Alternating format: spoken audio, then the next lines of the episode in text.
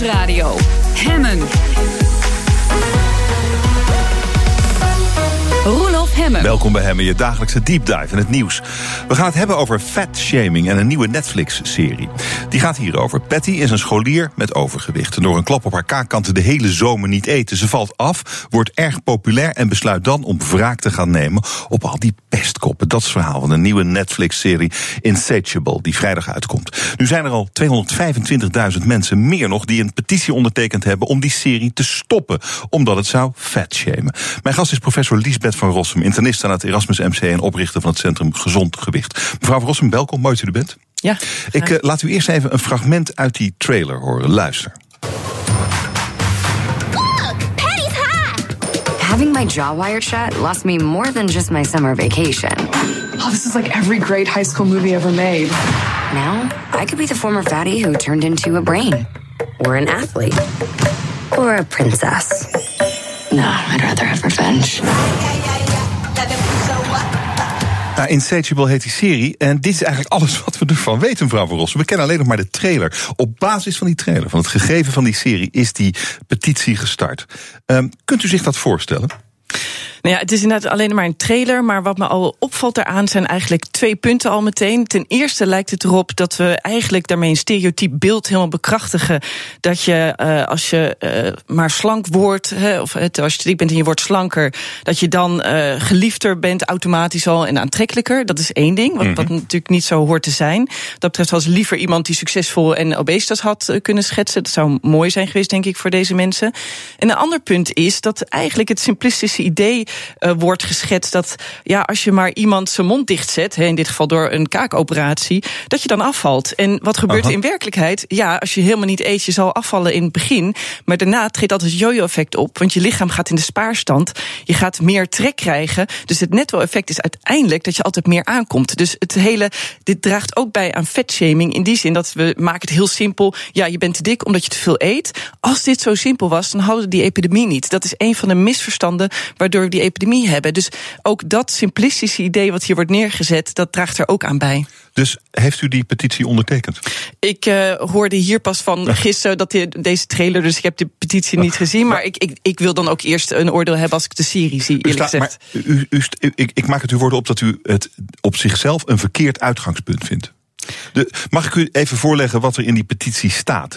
Uh, daar schrijven de initiatiefnemers: meisjes gaan twijfelen aan zichzelf, denken dat ze af moeten vallen om gelukkig te zijn. De serie zal zeker eetstoornissen veroorzaken. Zelfs de trailer doet dat al. Stop en voorkom verdere schade. Nou, dan kan je handtekening zetten. Is dit waar? Hebben ze hier een punt?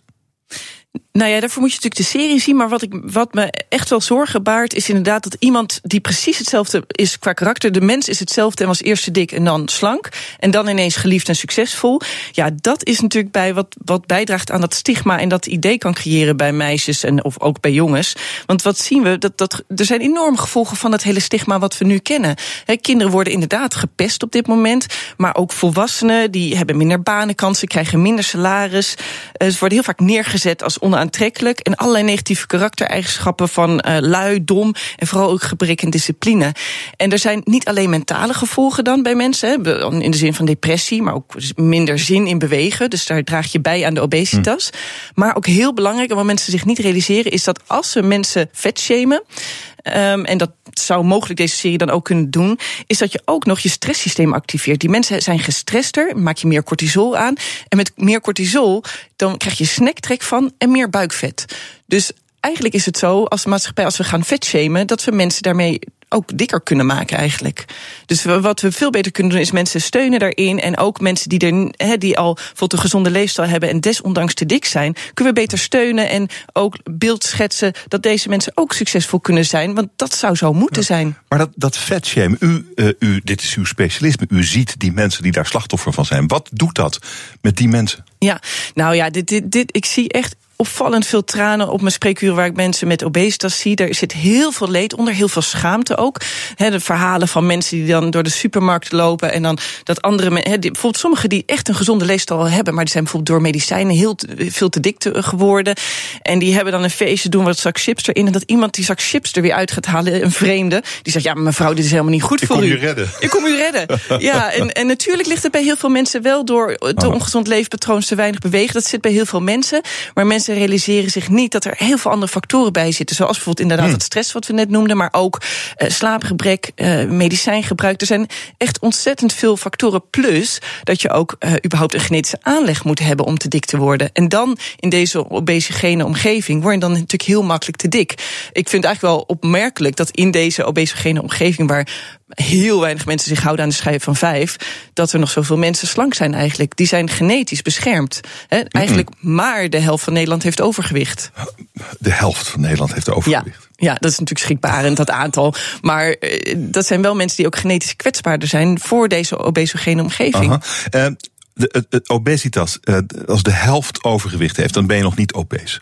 Hoe groot is het probleem van obesitas in Nederland? Ja, 14% heeft op dit moment ernstig overgewicht, dus dat noemen we obesitas. En die, die hele ernstige, de allerernstigste vorm, dat hebben 100.000 mensen in Nederland. Die komen vaak op dit moment in aanmerking voor een operatie bijvoorbeeld. Wat moet er gebeuren om daar iets aan te doen? Ziet u, ziet u een oplossing? Ja, stap 1 is eigenlijk veel meer dat mensen veel meer kennis vergaren over hoe kom je te dik en hoe kom je er vanaf. Want er is een enorme wijdverbreide misvatting dat. Nou, Minder eten, meer bewegen, probleem opgelost. Dat lost het niet op, dat is te simpel. Voor al die, voor al die, die miljoenen mensen niet? Nou, kijk, bij overgewicht, dan, dan kan dat nog prima helpen. Want dan is een gezonde leefstijl kan je goed terugbrengen. Hmm. Maar mensen, op het moment dat je echt die 14% die echt obesitas hebben. En daar hebben we het vaak over als we het hebben over fatshaming. Mm want dan, dat is, gebeurt veel meer bij mensen met obesitas dan mensen met even een klein buikje. Um, ja, dan is het lichaam al op een zo'n ander setpoint. Zijn zoveel processen qua stofwisseling verstoord. Minder eten, meer wegen, dat is niet genoeg. Maar wat kunt u dan doen voor die mensen? Nou, daar, er is goed nieuws voor. Er is een dat staat ook al jaren in de richtlijn, maar dat wordt pas per januari 2019 uitgevoerd. Je zou mensen eigenlijk met een gecombineerde leefstijlinterventie moeten helpen. Dat betekent begeleiding bij gezond eten, meer bewegen. Geen laagcalorisch dieet gewoon gezond eten. Vast dat dat niet helpt. Met gecombineerd, oh. met, en dat is de truc, ah. de, de, eigenlijk, we noemen dat cognitieve gedragstherapie, oftewel een soort van mentale coaching, waarbij bepaalde gewoontes doorbroken worden en ook het brein wordt weer getraind om bepaalde voedselkeuzes te maken. Want, Voorbeeld alsjeblieft. Nou, stel ik ga nu, uh, ik, ik, fiets naar huis en denk aan een lekkere zak snoep. Op het moment dat ik daaraan denk, dan gaat mijn lichaam al insuline maken. Mijn bloedsuiker wordt laag, ik kom thuis, ik zie een salade staan en een zak snoep. Ik neem die zak snoep, want mijn lichaam is daar klaar voor. Op het moment dat ik in mijn brein getraind is om onderweg niet te denken aan die zak snoep, maar aan die salade die thuis staat of aan iets eh, voedselneutraals, dan kan ik als ik thuis kom heel goed die keus maken. Ik neem die salade en niet die zak snoep. Dus je kan, en dat zijn stappen die mensen massaal overslaan, um, dat er hele andere fenomenen onder zitten. Hetzelfde geldt voor uh, dat mensen heel vaak die weten wel, oké, okay, salade is gezonder voor mij, maar het lukt niet. Maar als mensen bijvoorbeeld in grote financiële problemen zitten, ze hebben enorm veel stress en je krijgt die snacktrek, dan moet je dus eerst die stress aanpakken en dan kunnen mensen gezonder gaan leven. Okay. Dus, dus wat, wat, wat u als eh, arts doet, is, is eigenlijk minder effectief dan ja. wat een psycholoog zou kunnen doen. Nou, je moet het combineren. Of een trainer zou kunnen doen. Nou, je moet, juist de truc is ja. dat je alles combineert. Dat eten, bewegen is natuurlijk zijn hoekstenen. Maar bijvoorbeeld als arts wat we moeten doen... en dat gebeurt massaal verkeerd om. Wat we nu doen is, iemand komt met obesitas. Die hebben vaak hoge bloeddruk, diabetes, depressie. Daar geven we allemaal medicijnen voor om dat te behandelen. Hebben vaak allemaal dikmakende werking. En dan zeggen we, succes, je moet nog ook een, een, een dieet volgen. Dat werkt niet. Je moet niet een dieet volgen, je moet gewoon die schijf van vijf eten. En vervolgens moeten wij als artsen die medicatie mee helpen afbouwen... zodat die niet dik makend werken. En dat mensen ook een kans hebben om een gezonde leefstijl te krijgen. En hoe kom je uh, in aanmerking voor die behandeling die u nu net schetst, die vanaf uh, 2019 dan blijkbaar kan gebeuren? Hoe kom je daar in aanmerking voor? Ja, de toeleiding zal plaatsvinden via de huisarts of de internisten. Die kunnen dan gaan ja. verwijzen gericht. Die, die hebben de, de criteria van wanneer kan je daarvoor in aanmerking komen. En ja, bij sommige mensen zal dat onvoldoende zijn. En dan na een jaar, zegt de richtlijn, dan kan je een keus maken. Ofwel nog met uh, gewichtsreducerende medicijnen of een maagoperatie. Zou je als volgende stap in de richtlijn kunnen doen. Nou, die medicijnen die, die, die zijn Europees goedgekeurd, maar nog niet op de Nederlandse markt op dit moment. En de operatie, of tenminste nog niet vergoed, er komt er wel één in september op de markt. Maar die operatie die, die wordt nu massaal gedaan. En die hele stap ervoor van dat je mensen een gezonde leefstelinterventie aanbiedt met die psychische component, dat gebeurt massaal niet. Die slaan we helemaal over. En ook de diagnostiek, waarom is iemand te dik? We zeggen altijd meteen, het is te veel eten. Maar ja, als iemand enorm veel uh, bijvoorbeeld prednison gebruikt en daarvoor, daarvan heel erg te dik wordt, ja, dan, dan lukt dat niet met je gezonde leefstijl. Dan moet je eerst kijken van wat zijn alle factoren bij een individu die bijdragen. En dan kan je veel succesvoller zijn in je therapie. Klinkt in elk geval veel slimmer. Dank u wel voor dit gesprek. Liesbeth van Rossum, zij is internist aan het Erasmus MC en oprichter van het Centrum Gezond Gewicht. Dank u wel. Je bent een koppel, je hebt veel eigen vrienden, maar vrijwel geen gemeenschappelijke vrienden. Hoe dat beter kan, hoor je zometeen in het beste van Hemmen. BNR Nieuwsradio. Hemmen. Van goed naar beter.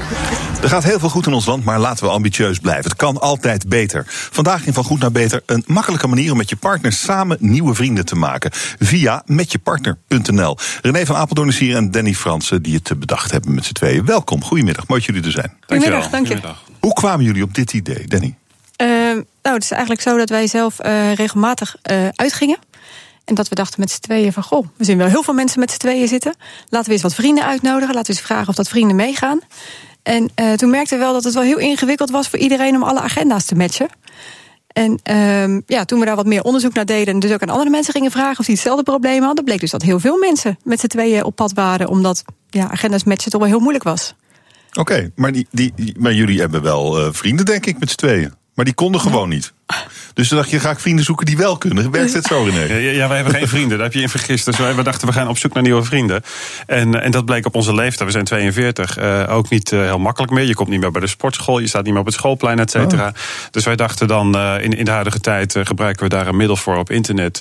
En ja, weet je, voor individuen, je kunt gewoon gaan daten op datingsites. Maar met z'n tweeën is het een beetje gek misschien om te gaan daten. Maar uiteindelijk is dat toch een beetje de kern. We gaan met z'n tweeën op zoek naar, naar ja. nieuwe mensen. Door, door simpelweg activiteiten ja. te ondernemen. Ja, maar jullie willen gewoon, ik bedoel, jullie willen gewoon uh, activiteiten ondernemen. Ik bedoel, ja. Voor de duidelijkheid, dit gaat ja. niet over seks of zo. Nee, nee absoluut nee. niet. Dus, uh, uh, dus dat is dus blijkbaar een probleem voor veel mensen in jullie categorie. Beetje even in de 40. En, daar lijkt, het, ja, daar lijkt het wel op. Wat, we horen het heel vaak. Mensen, mensen herkennen het, zeggen het ons ook. En zeggen ook dat ze heel blij zijn met een, een dergelijk platform. Eindelijk is een keer iets. iets want, want er, zijn wel, er zijn wel initiatieven voor individuen, de single sites, et cetera. Maar voor stellen eigenlijk niet. Dus een gat in de markt. En, en, en een simpel concept waarbij mensen het toch leuk vinden om nieuwe mensen te ontmoeten. En indirect natuurlijk nieuwe vrienden, want dat is natuurlijk de knipoog die we maken. En uh, uh, uiteindelijk is het ook leuk om met onbekende mensen, als je wel een heleboel vrienden hebt, met onbekende mensen toch leuke activiteiten te ondernemen. Het is inspirerend. Ja, je zegt inderdaad ook wel van uh, onze leeftijd 40. Maar we merken wel op de website van mensen die zich aanmelden dat het echt al begint vanaf 25, 30. En dat, dat loopt door tot 70. Het is ongelooflijk. Hmm, allemaal stelletjes die zich een ja. beetje vervelen met z'n tweeën op de bank. Blijkbaar. is dat het? Nou, vervelen geloof ik niet zo. Maar ik denk toch dat je op een gegeven moment wel uh, wat inspiratie zoekt. Want hoe je het went of keert, hè, als je met z'n tweeën van een verjaardag terugkomt, zeg je ook in de auto van: Oh, wat hun doen, dat is echt superleuk. Dat willen wij ook. Of dat je denkt: Oh jee, wat hun doen. Nee, dat gaan we echt nooit zo doen. Dus ergens word je ook wel een beetje geïnspireerd of gespiegeld door andere stellen. Mm -hmm. Ja, um, en, en, en hoe werkt het precies wat jullie doen? Er is een site. Met je ja, partner.nl. Ja, wat, ja. maar, ja, maar het is heel makkelijk. Maar hoe werkt het? Ja, nou, je wordt lid. Uh, als stel word je dus lid. Dan heb je een agenda waar je uh, bladert in activiteiten. Want de activiteiten staan centraal. Het is niet dat wat je voor activiteiten? Waar hebben we het over? Denk aan een wandeling, een, een borrel, een workshop, waterskiën, blowkarten. Het is ook voor alle leeftijdscategorieën hebben we wat bedacht. En als je dus lid bent, dan kun je bladeren in de agenda. Ook als je niet bent, kun je kun je bladeren. Maar uh, het concept is simpel. Mensen kunnen zelf activiteiten publiceren. Dat doen ze dus voor andere stellen. Andere stellen zien die activiteit, drukken op een knop, wij, gaan, wij gaan mee. Uh, en, en, zo ontstaat een activiteit met onbekende mensen eigenlijk. Mm. Het, is, het, is, ontzettend simpel en eenvoudig, maar ja. het werkt heel erg goed. Ja, dat, dat snap ik. Maar het heeft ook iets geforceerds in zich. Ja? Dat zou je verwachten, ligt een ja. beetje met wat voor instelling je er naartoe gaat. Als je met een instelling gaat, die armen we gaan op zoek naar nieuwe vrienden, dan wordt het wel heel erg lastig. Maar als je met een andere mindset er naartoe gaat, dat je denkt van nou weet je, wij vinden het gewoon leuk om activiteiten te ondernemen met mensen. Het, het, het bijzondere is eigenlijk als je dezelfde activiteiten onderneemt met z'n tweetjes, dan spreek je de mensen vaak niet aan die ook in jezelfde omgeving zitten. Ja, maar dus je de, doet ook sommige dingen niet. Hè? Als je het hebt nee, bijvoorbeeld over uh, uh, waterskiën of bolen, dat is toch leuker met een groep. En ja. uh, juist zo'n activiteit is ook leuk om te ondernemen met andere mensen. Dan spreek je inderdaad andere mensen, je doet het. En met z'n tweeën doe je dat eigenlijk niet zo snel. Oké, maar wat doe je dan met je oude vrienden? Ja, spreken we ook nog steeds mee af. Ja. Maar ja, daar hebben we toch wat meer agenda voor nodig om te zeggen: Ja, weet je wat, over een maand of twee, drie. eh, spreek je weer eens wat af, want dan past maar, het allemaal. Maar zouden die oude vrienden met hun agendaproblemen niet eh, precies hetzelfde gevoel hebben als jullie? ja, misschien wel. Nou, sommigen wel, zijn ook ja. wel lid geworden. ja, echt waar? Ja? Ja. Ja, maar er, Ja, er zijn ook oude vrienden die ons gehoord hebben zeggen: Oh, nou dankjewel, hè, jullie hebben geen vrienden. Dat, Ja. dat idee. Dus, maar, maar, ja, je vergaat, maar weet je, bij een bepaalde levensfase hoort ook vaak dat je, nou ja, als je wat kritisch naar je eigen leven kijkt, dat er op een gegeven moment misschien nieuwe vrienden bij passen. En, eh, en dat is best wel spannend om, eh, om misschien afscheid te nemen van vrienden en, en indirect op zoek te gaan naar nieuwe mensen die bij Neem je passen. ook afscheid van oude vrienden dan? Hebben jullie dat ook gedaan? Nou, dat is heel moeilijk, maar dat, dat is wel. Dat is soms wat, wat automatisch verloopt. Hè. Dat, Het gebeurt wat, soms Het gebeurt gewoon. soms, Gebeurt ja. gewoon, ja. En wil je dat dan, wil je het dan bespreekbaar maken of niet? Nou ja, dat, dat, dat vinden veel mensen moeilijk. Ik vind het zelf ook wel lastig. Ehm, maar eh, ja, meestal loopt het Nou, gewoon. maar je zo. ziet ook wel aan de levensfase hè, van, van de mensen die nu lid zijn, dat dat ook heel veel verschilt. Want, want wij zijn veertigers en eh, nou ja, wij gaan het pad op. Maar er zijn natuurlijk ook veertigers die net beginnen met kinderen. Nou, daar ga je al. Dat wordt al zo'n groot verschil. En wat we ook wel merken met, met 65ers. Sommige 65ers zijn heel actief en die gaan nog mee waterskiën. En andere 65ers zeggen, nou weet je, een wandeling, borreltje, meer dan genoeg. En ga je dan, Dus met die, dan- eh, en ga je dan eh, met die eh, evenementen met z'n allen? En eh, ontstaan, ontstaan daar dan ook weer nieuwe groepjes uit? Of nieuwe vriendschappen uit? Of zoiets? Hoe, hoe werkt zoiets dan? Vriendschappen Ja, wel, we hebben het al gehoord van mensen. Ja, gehoord. zeker. Vriendschappen zijn er al. En mensen, en, nou, dat is wel heel grappig dat je het zegt. Want de mensen, eh, er ontstaan groepjes, ja zeker. Dus dan heb je herkenning. Bij een nieuwe activiteiten zoeken mensen elkaar ook wel weer op. Er is nooit een activiteit die alleen maar met bekende mensen plaatsvindt. Er zijn altijd wel mensen die nieuw zijn. Dus nieuwe aanwas heb je altijd wel. Ehm, eh, maar ook de mensen die inmiddels wel nieuwe vrienden gemaakt hebben. Uh, laten we ervan uitgaan dat ze het niet geforceerd gedaan hebben. Maar goed, er zijn mensen waar je een klik mee hebt. omdat je sowieso dezelfde activiteit al onderneemt. Maar de mensen die uh, elkaar gevonden hebben. die gaan nog steeds naar activiteiten. En, en treffen daar ook dus Hmm. weer nieuwe mensen. En ook weer de bestaande klikjes die je dan toch vanzelf krijgt. omdat je een klik hebt met die mensen. Het is natuurlijk ook wel heel bijzonder om, naarmate je ouder wordt, toch nieuwe vrienden te maken. Ja. Dat, is, dat is ook gewoon, dat, dat is bijzonder en het, is ook, het komt ook niet heel vaak voor. Dus dat is natuurlijk precies waar jullie op inspelen. Aan de andere kant, als je het als stelletje doet, wordt het ook wel ingewikkelder.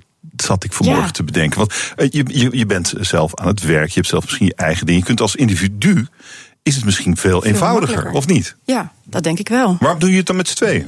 Ja, omdat we het ook gewoon leuk vinden om, wat ik net al zei, samen in de auto naar huis te gaan en zeggen van nou, eh, Ah. wat vond je daarvan? Gewoon samen eens een keer de diepgang in in plaats van allemaal maar alleen. Dat maakt het wel leuk. Dat, dat maakt het inderdaad wel bijzonder. Dat je met z'n tweeën kan overleggen van joh, wat vond jij ervan en hoe zie jij dat en, en, en hoe sta jij erin? Maar ja, zo op Dus die manier zou je natuurlijk eh, eh, vrienden van één van jullie zouden vrienden van jullie allebei kunnen zijn. Als je Ja, zo, zo, elk, zo tegen elkaar ook, maar- aanloopt, dat kan toch? Ja, kan makkelijk. Maar toch zie je wel dat dat wel voor heel mensen moeilijk is. Want uiteindelijk moet je wel een klik met z'n vier hebben. Ja. En je moet met z'n vieren dingen leuk vinden. Dus ja, dat is wel wat we, wat we op de site ook wel Maar, zien. maar het vrienden worden, weet je, dat is natuurlijk een, een, secundair iets. Dat, het is fijn als het gebeurt. Maar het, is, het, gaat om activiteit. Het gaat om de activiteit en echt horen van Met je iedereen. partner. Met je- Ja, ja, precies. maar ik hoor eigenlijk van iedereen die terugkomt van een activiteit. Oh, maar dit is echt ontzettend leuk. We willen het nog een keer en we gaan het nog een keer doen. En dit had er eerder moeten zijn, et cetera. En natuurlijk met die knipoog zeg je wel, wij hebben geen vrienden en wij willen nieuwe vrienden hebben, et cetera. Mm. En eh, misschien is het in de kern ook wel waar. Maar ja, je hebt allerlei niveaus van vrienden. Je hebt mensen die je eh, twee keer per jaar ziet, die noem je misschien je vrienden. En mensen die je wekelijks ziet, noem je je vrienden. Wat zegt dit, eh, wat zegt dit de populariteit van eh, jullie initiatief over hoe we er aan toe zijn in ons land? Nou, dat is, een mooie vraag. Want ik denk wel dat de, de ontwikkeling van de sociale media. Eh, die, die heeft natuurlijk eh, niet stilgestaan de afgelopen jaren. Maar ik geloof zelf in een soort golfbeweging. Dat we straks weer van de grote supermarkten afgaan naar de kleine speciaalzaken. En ik denk ook dat we eh, online gaan gebruiken als middel om offline elkaar weer te ontmoeten. En dat is wat ik om me heen wel zie en wat ik ervaar, wat ik zelf ook prettig vind. Ik gebruik nog steeds online, dat is fijn. Ook om mensen te bereiken en in contact te komen en te blijven. Maar offline ontmoeten is toch het echte leven, denk ik. En eh, vind je dan dat we dat eh, toch iets te veel kwijtgeraakt zijn? Is jullie initiatief daar een gevolg van misschien? Nou, misschien wel. Misschien wel, ja. Het zou mij niet verbazen. Want je duikt makkelijker achter de computer en alles is te vinden op internet. Dus je gaat ook makkelijker of minder makkelijk de pad op. En juist door zo'n site met z'n tweeën ga je weer samen van de bank af en wat ondernemen. Dus ik denk wel dat het werkt. Nou ja, het feit dat er zoveel leden zijn, eh, zegt het ook wel iets. Hm. Met hoeveel zijn jullie nou? Du- Duizenden leden. We Duizenden weten niet, ja, het zijn duizenden inmiddels. Ja. We weten niet exact hoeveel het eh, actieve leden er zijn. Want er komen dagelijks nieuwe leden bij. En niet iedereen schrijft zich gelijk in voor een activiteit. Dus het zal eigenlijk, de, de loop der tijd zal zich moeten uitwijzen hoeveel eh, effect het is. En dan gaat het op werk lijken wat jullie doen nu. Ja, Loopt dit al uit de hand? Het is al uit de hand Eh, gelopen. Het is, het is uit de hand gelopen, ja. Het is bruut ja. uit de hand gelopen. Nee, maar laten we eerlijk zijn. Wij, wilden, wij wilden allebei uit ons eh, eh, nou ja, dagelijks bestaan stappen. We hebben allebei een drukke baan gehad. We werkten als zelfstandigen. En in 2016 hebben wij eh, eh, de moed opgevat om te stoppen met dat werk. Allebei uit die comfortzone te stappen. Om in ieder geval te stoppen met werk wat we niet meer leuk vonden op dat moment. En eh, wij hebben besloten om iets anders te gaan doen. Eh, we wilden eh, leuk werk gaan doen. We wilden inspirerende mensen ontmoeten. Eh, dat is allemaal gelukt. Dat, dat, dat nieuwe werk, werkt dit? Weet je, je begint zoiets niet van tevoren eh, eh, met, een, met een plan op een A4'tje. Dus je, hier ga ik mijn werk van maken. Maar wij hebben wel ontdekt dat we het ontzettend leuk vinden dat te doen. En inderdaad, het kost ontzettend veel tijd. Maar het is tijd waar wij wel energie van krijgen in plaats van Ja, worden echt heel blij van. Maar dit, dit, is, ik, ik bedoel, dit, dit kan toch ook gewoon een bedrijf zijn? Wat jullie hier doen? Ik bedoel, mensen betalen een beetje, beetje geld, toch? Zo'n zo, lidmaatschap? Hoeveel is Ja. het? 60 piek per jaar? 60, 60 euro per jaar voor een stel, inderdaad. Ja, Als je er heel veel hebt, Ja. dan heb je toch gewoon een bedrijf en een inkomen. Dat is toch hartstikke mooi? Het lijkt me fantastisch. En, en wij, wij, ben je daar al? Eh, nee. dat nog niet. Nee, nee, nee, want kijk, weet je, het is een investering die we gedaan hebben. Eh, die investering zou fijn zijn als dat een keer terugkomt. Maar het is vooral belangrijk om te blijven investeren in een dergelijke eh, platform. En eh, ja, wij denken dat het technisch goed in elkaar zit. Eh, het kan absoluut beter. Het kan elke dag beter. We proberen ook de organisatoren nog weer te ontzorgen met nieuwe functionaliteiten. Want dat is natuurlijk ook wel waar we van leven uiteindelijk dan. Of van gaan leven, van hopen te leven. Ehm, maar ja, het mooiste zou zijn als het, als het inderdaad eh, eh, een beloning oplevert die eh, in verhouding staat tot hoeveel het werk die we erin stoppen. Ja. Het is een beetje Facebook, maar dan echt. ja, niet? Dat is een mooi compliment, wel, dankjewel. Ja, ja. Leuk. Ja, zo klinkt het wel, ja. Wat gaan jullie dit Ja. weekend doen? Eh, ik zou het eerst niet weten, maar Weekendje lekker rustig op de bank met z'n terug naar tijd. inderdaad, ja. Oh, Hartelijk dank eh, voor dit gesprek. Eh. René van Apeldoorn en Danny Fransen van metjepartner.nl. Dank jullie wel. BNR Nieuwsradio. Hemmen. Roelof Hemmen. Je luistert naar hem, je dagelijkse deep dive in het nieuws. De toekomst van je gezondheid ligt besloten in je DNA. Wat als je de potentiële problemen nou eens makkelijk goedkoop weg zou kunnen knippen? Mijn gast is John van der Oost. Hij is hoogleraar microbiologie in Wageningen. En hij legde de basis voor het repareren van genetische afwijkingen. Dag meneer van der Oost, welkom. Goedemiddag. Goedemiddag. Eh, laten we bij het begin beginnen. Het is tien jaar geleden, u ontrafelde eh, hoe het CRISPR-Cas-systeem van bacteriën werkt. Ehm, misschien moet u gewoon eens even uitleggen, in hele simpele taal, wat u toen gedaan heeft. Nou, het was zo dat in, eh, in 2005, toen was er een, eh, een groep uit, eh, uit Spanje. Die kwam op een gegeven moment met een, eh, met een theorie dat eh, tijdens analyse van, van DNA-fragmenten van bacteriën vonden ze bepaalde stukken DNA. En daar hebben ze toen eh, heel intensief onderzoek naar gedaan. En toen kwamen ze met een hypothese dat dit wel eens een nieuw afweersysteem kon zijn van bacteriën tegen virussen. Want het is zo dat, dat net zoals wij eh, last kunnen hebben van, eh, van virussen, dat ook bacteriën dat hebben. En het is al tientallen jaren bekend dat bacteriën inderdaad afweersystemen tegen die virussen hebben. Maar dit was een compleet nieuw systeem. En u heeft uitgevogeld hoe het werkt. Dat klopt. Op een gegeven moment eh, zijn, wij daar, eh, zijn we daar ingedoken. eh, omdat het heel intrigerend klonk, in ieder geval. De hypothese was dat het ging om een adaptief afweersysteem. Dat betekent dat, dat er stukjes van het virus ingebouwd worden in het DNA van, van de bacteriën. En dat is op zich heel spectaculair. En wat, wat, wat die Spanjaarden, waar we het net al over hadden, gevonden hadden, was dat, dat er hele specifieke stukken DNA in die bacteriën zitten. En dat is zogenaamd repeterend DNA. Dus het zijn kleine DNA-fragmentjes die iedere keer weer terugkomen. En tussen die uh, identieke DNA-fragmenten, daar vonden ze op een gegeven moment kleine fragmentjes van virussen.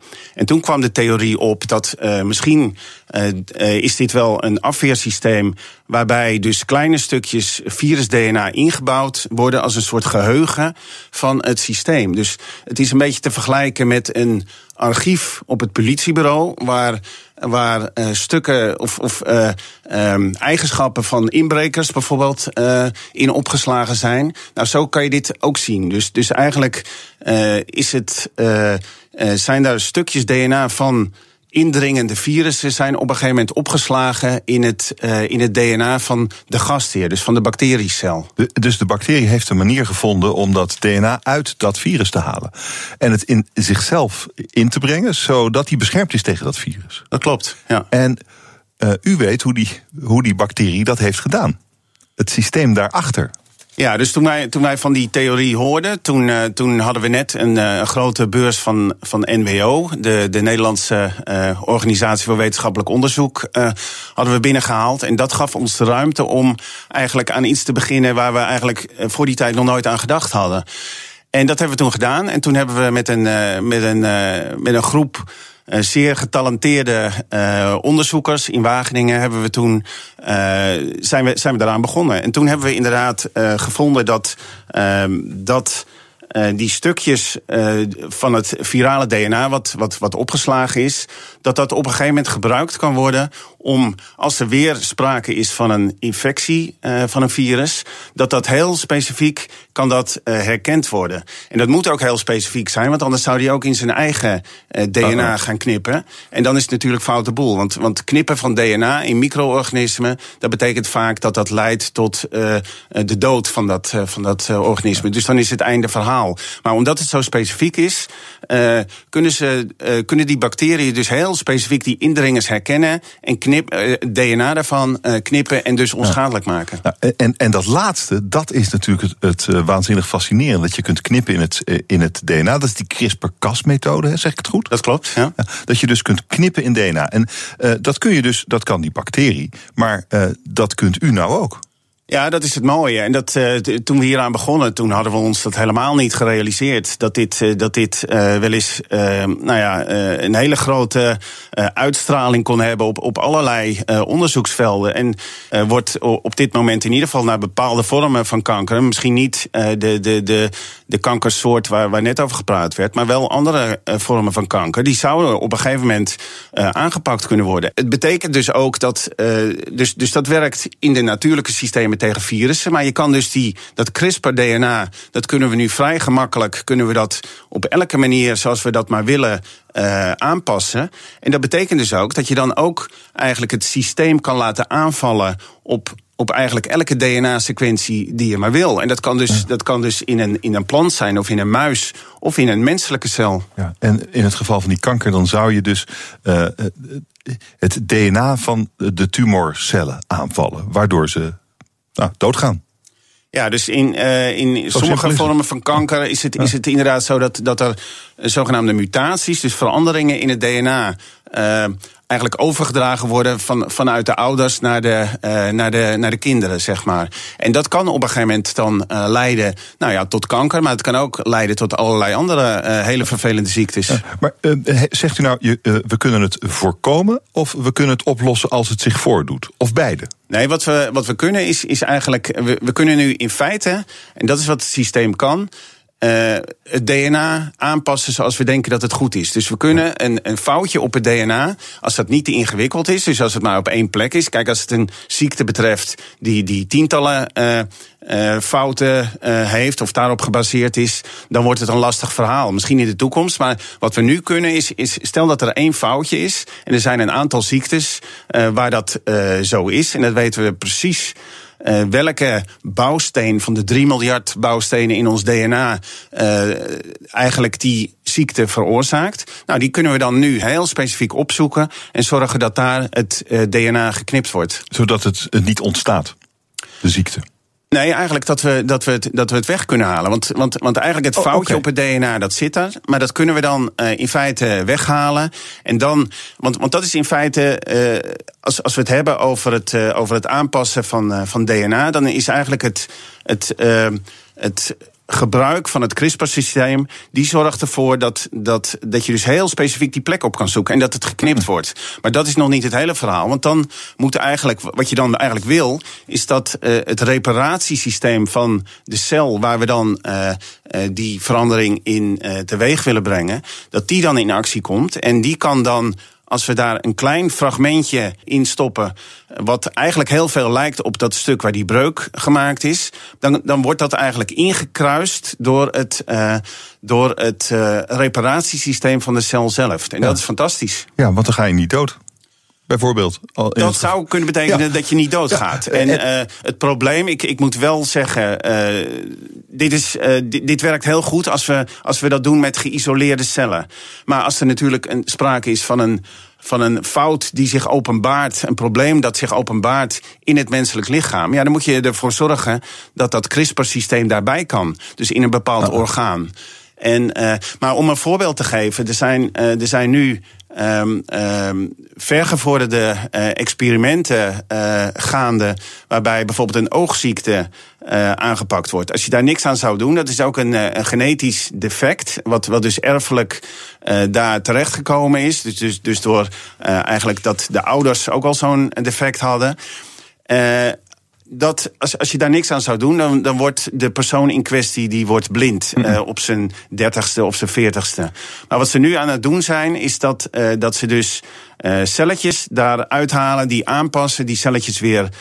dus, dus die, die celletjes hebben ze dan hersteld, dan brengen ze ze weer terug. En dan uh, gaan die cellen op de goede plek zitten. En uh, daar, uh, daar moet dan eigenlijk het probleem opgelost zijn. En, en, gebeurt dat ook al? Wordt het ook al dit middel ingezet in mensen tegen ziektes, tegen aandoeningen? Ik hoorde pas iemand vertellen dat er op dit moment al sprake is van 20 clinical trials. Dus dat betekent dat ze al echt in de kliniek bezig zijn om, uh, om zieke mensen beter te maken. En uh, nogmaals, uh, dat zal in het ene geval zal dat, zal dat beter lukken als in het andere geval. Dus het is niet zo dat we nu iedereen kunnen genezen. Maar dit is wel voor sommige ziektes en voor sommige patiënten gaat dit een heel groot verschil maken. CRISPR-Cas. Het gaat over het beter maken van zieke mensen, maar misschien ook wel het beter maken van gezonde mensen. BNR Nieuwsradio. Hemmen. Mijn gast is John van der Oost, hoogleraar microbiologie in Wageningen. Hij legde de basis voor het repareren van genetische afwijkingen van ziektes, zoals bijvoorbeeld kanker, maar ook oogziektes. We hebben het erover gehad, meneer van der Oost. Ik zit me wel af te vragen, uh, op, op welk moment wordt deze methode, dus het, de CRISPR-Cas-methode, net zo gewoon als bijvoorbeeld chemotherapie voor kanker? Nou, ik denk dat dat nog wel een tijdje kan duren, hoewel de ontwikkelingen razendsnel gaan. Want uh, eigenlijk. Uh, hoewel we begonnen aan het bestuderen van een virussysteem, is, is uh, na een jaar of vijf, dus in rond 2012, toen uh, kwam men erachter uh, dat, dat dit uh, grote impact kon hebben om ook het DNA van, van bijvoorbeeld uh, menselijke cellen te veranderen. Dus, dus een jaar of vijf is de ontwikkeling nu aan de gang om echt nou ja, te proberen om mensen beter te maken met deze, deze techniek. En het wordt eigenlijk over de hele wereld wordt het, wordt het, of wordt, wordt, wordt eigenlijk de potentie van dit systeem wordt, uh, wordt erkend. En dat betekent dus ook dat, dat eigenlijk over de hele wereld wordt nu heel veel onderzoek gedaan naar verschillende, uh, verschillende ziektes. Om, om te kijken van of dat systeem inderdaad gebruikt kan worden, ingezend kan worden. Om, uh, om dus de gewenste reparaties uit te voeren. En voor sommige ziektes gaan de ontwikkelingen sneller dan voor andere andere. En, uh, uh, maar dus voor, voor sommige ziektes gaat dit zeker het verschil maken. Maar uh, en heeft u enig idee welke ziektes dat dan zijn en wanneer? Nou, ik weet bijvoorbeeld een, uh, een bedrijf in, uh, in Boston in Amerika waar wij wel uh, contact mee hebben. Die zijn eigenlijk opgestart toen men zich dit realiseerde. Dus vijf hmm. jaar geleden. En die, die, uh, die hebben uh, heel veel geld binnengehaald van, uh, van investeerders. Ze hebben nu iets van, van tussen de 100 en de 120 mensen aan het werk. En die richten zich op tien ziektes, erfelijke ziektes in, in mensen. En nou, eentje, die, eentje daarvan is die, die oogziekte waar we het net over hadden. Maar het zijn ook bijvoorbeeld spierziektes of, of bepaalde vormen van, van kanker. Ja. En zou dit ook iets kunnen doen aan Alzheimer, waar we nu niks tegen hebben? als we weten wat, uh, wat, uh, wat eigenlijk de oorzaak is van, ja. uh, van Alzheimer. stel dat dat nou één puntmutatie zou zijn. Dus één foutje op het DNA. En stel nou dat dat, dat, dat op een plek in de hersenen zit waar we goed bij kunnen. Dan zou dat, dan zou dat denkbaar zijn dat daar misschien iets, iets aan gebeurt. Maar uh, laat ik toch heel duidelijk maken dat het, dat het zeker niet voor, voor elke ziekte uh, de oplossing gaat bieden. Maar en ook niet over een paar jaar. Nou, ik, ik verwacht toch hmm. binnen nu en vijf jaar wel, wel uh, eigenlijk doorbraken voor in ieder geval sommige toepassingen. Eh, zou je iets kunnen doen aan het, eh, het, intellect van iemand? Of zou je iets kunnen doen aan zijn levensduur? Zou je iets kunnen doen.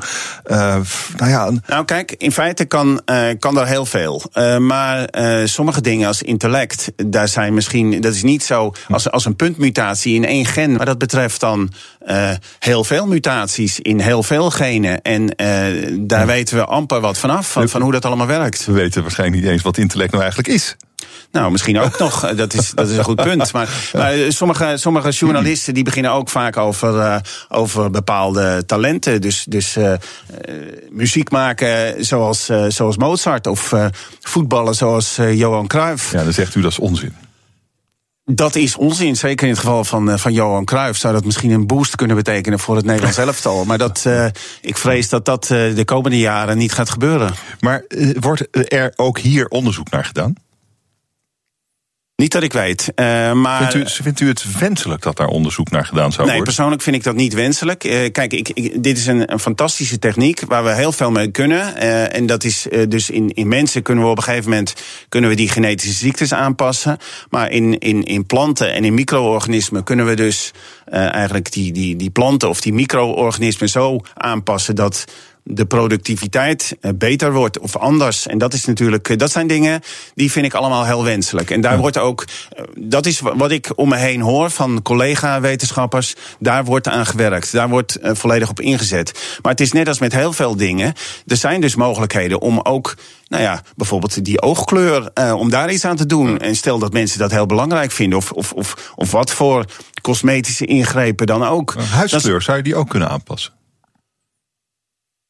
Ja, dat zijn allemaal dingen. Ik, ik weet daar persoonlijk niet heel veel van. Maar ik, ik denk dat het gaat om, om pigmentatie. En, en, en dat misschien ja, ja. Met, met een simpele uh, ingreep zou dat kunnen. Maar nogmaals, dit zijn dingen dat, dat wil je helemaal niet. En dat, uh, uh, maar als het kan, dan, dan kan je natuurlijk ook niet uitsluiten dat er niet toch ergens een paar mensen zijn die denken van hé, hey, hier kunnen we geld mee verdienen. Die, die starten een bedrijfje. En er zijn dan mensen met veel geld die zeggen van nou, dat vind ik heel belangrijk. En dan, dan zou dat eventueel kunnen gebeuren. Maar dat, dit, dit is eigenlijk een beetje de onzinvariant van, uh, van waar we het over hebben. Nou, ik ben blij dat je dat ook zo, uh, zo, zo, zo ziet. En, uh, want want ik, ik, ik vind dat we met name, hoewel we niet moeten vergeten dat er, dat er ook verkeerde dingen mee kunnen gebeuren. Ik denk dat we met name moeten inzetten en het daarover moeten hebben in de, in de media. Dat, dat hier heel veel goede dingen mee kunnen gebeuren. Nou, we zouden kunnen voorkomen dat er, dat er kinderen worden geboren met, met genetische afwijkingen. Dus zo simpel is het. Met ziektes die zich later openbaren. U noemde al een paar voorbeelden. Ja, kijk, en dat, het is niet zo dat we dan een soort supermens uh, gaan maken. Maar als, als je bijvoorbeeld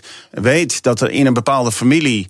Uh, of, of dat ouders dragers zijn van een bepaalde uh, genetische afwijking. Dus dat de kans groot is dat, dat ook het nageslacht daar echt problemen mee kan, kan krijgen. Zeker als het van twee kanten bij elkaar komt. Mm -hmm. dan, dan kan het zo zijn dat een genetische ziekte zich openbaart in die kinderen. Nou, als je dat uh, wil voorkomen, dan zou, je, dan zou je inderdaad kunnen ingrijpen op het, uh, op het niveau van, uh, van embryo's. En dat kan nu al. En dat, dat kan nu, al. nu ook al. Het gebeurt niet. Uh, dat, dat is, uh, daar, zijn, nog, uh, daar zijn nog geen vergunningen voor. maar er wordt wel onderzoek naar gedaan. En ik denk dat, dat in de toekomst zou dat zeker kunnen gaan gebeuren. Wat, wat eigenlijk. tenminste, er zijn een aantal dingen die dat in de, in de, in de weg staan. En dat, dat, dat zijn de. Uh, de technische aspecten en de ethische aspecten. Nou, de technische aspecten, daar bedoel ik mee dat, uh, dat je als je natuurlijk een verandering op DNA-niveau wil invoeren uh, op een embryo die dat, die dat dan zijn hele leven met zich meedraagt en het uiteindelijk ook door gaat geven aan, aan zijn nageslacht weer, zijn of haar nageslacht dan moet je natuurlijk wel zeker weten dat het foutloos is. Dat je niet toevallig op een andere plek, wat daar een beetje op lijkt, dat je daar ook veranderingen aanbrengt. Want dat wordt dan natuurlijk ook eigenlijk genetisch doorgegeven. En dat is precies wat je niet wil. Maar ik moet zeggen dat er de afgelopen jaren uh, is daar al enorme vooruitgang uh, geboekt. Aan de ene kant dat ze een bestaand systeem uh, verbeterd hebben. Dat die nog specifieker mm -hmm. is. Dus eigenlijk dat die, dat die zo goed als foutloos is. En ook in Wageningen hebben we daar aan meegedaan samen met mensen in Boston. Om weer een nieuwe CRISPR-variant te karakteriseren. En die lijkt specifieker als die originele variant. Dus dat is op zich ook weer heel interessant. Dus zowel in de natuur zijn er systemen die zich misschien beter lenen voor bepaalde toepassingen.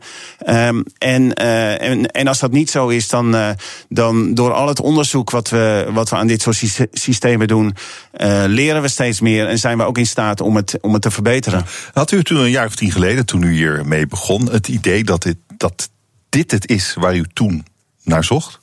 Nee, dat helemaal niet. En dat, nee. uh, maar we, toen, toen we eraan begonnen, waren we zeer uh, nieuwsgierig naar uh, hoe Um, hoe die bacteriën inderdaad uh, eigenlijk zo'n mooi systeem uh, konden inzetten uh, om zich te beschermen tegen virussen.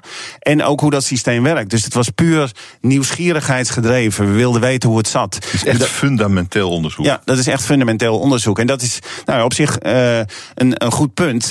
wat eigenlijk, of, of dit is eigenlijk een prachtig voorbeeld van, van fundamenteel onderzoek. Wat, wat nu enorme uh, een enorm bereik heeft van, van allemaal hele mooie toepassingen. En dat, uh, ja, dat, dat uh, moeten de geldschieters, ik noemde net NWO, zich ook realiseren. Dat, dat, dat, dat dit dus eigenlijk voortgekomen is uit dat fundamentele onderzoek. Want, want tegenwoordig is het, is het zo dat, dat heel, bij heel veel subsidieaanvragen is het vereist dat je al gaat vermelden in detail van wat je er allemaal mee kan. En dat uh, tot op zekere hoogte. Um, kan je dat doen voor heel veel verhalen. En, en wetenschappers zijn vaak daar heel creatief in. Maar aan de andere kant moet het natuurlijk ook zo zijn dat, dat er ook nog steeds ruimte blijft voor fundamenteel onderzoek. Dank u wel voor dit gesprek. John van der Oost, hoogleraar microbiologie aan de Universiteit van Wageningen. Dank u wel. BNR Nieuwsradio.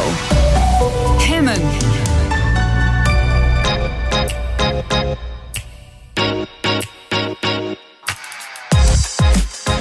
In de zomer gaat ook hem op vakantie. Daarom spreek ik elke dag een van mijn leukste gasten vanuit hem zijn of haar hangmat op vakantie. Vandaag is dat Kim Holland, pornoster, filmproducent en love life coach. Hi Kim. Ja, hi. hi. Waar, waar ben je? Um, ik zit heerlijk in Tenerife en nu zit ik in het surfcafé. Zit ik uh, heerlijk van een uh, drankje te genieten. En ondertussen uh, ja, is hier ook het wereldkampioenschap surf aan de gang. Dus dit is hier een drukte van je kan ik zeggen. En, waar, waar, maar waarom ben je op Tenerife? Vanwege dat kampioenschap of wat? Nee hoor, nee hoor. Ik uh, vind het sowieso natuurlijk heel leuk om het, uh, om het een beetje te volgen. Uh, maar ik heb een huis in Tenerife. Ah. Dus ja, het is natuurlijk heerlijk om hier regelmatig te zijn. Het weertje is altijd, altijd lekker. En er zijn genoeg leuke plekken te vinden waar je ook uh, nou ja, gewoon je werk kan doen, maar ondertussen ook leuke blogs en vlogs kan maken. Je werk kan dus doen, ben je aan het werk? Ik ben lekker aan het doen. Nou, ondertussen doe ik dat ook, ja.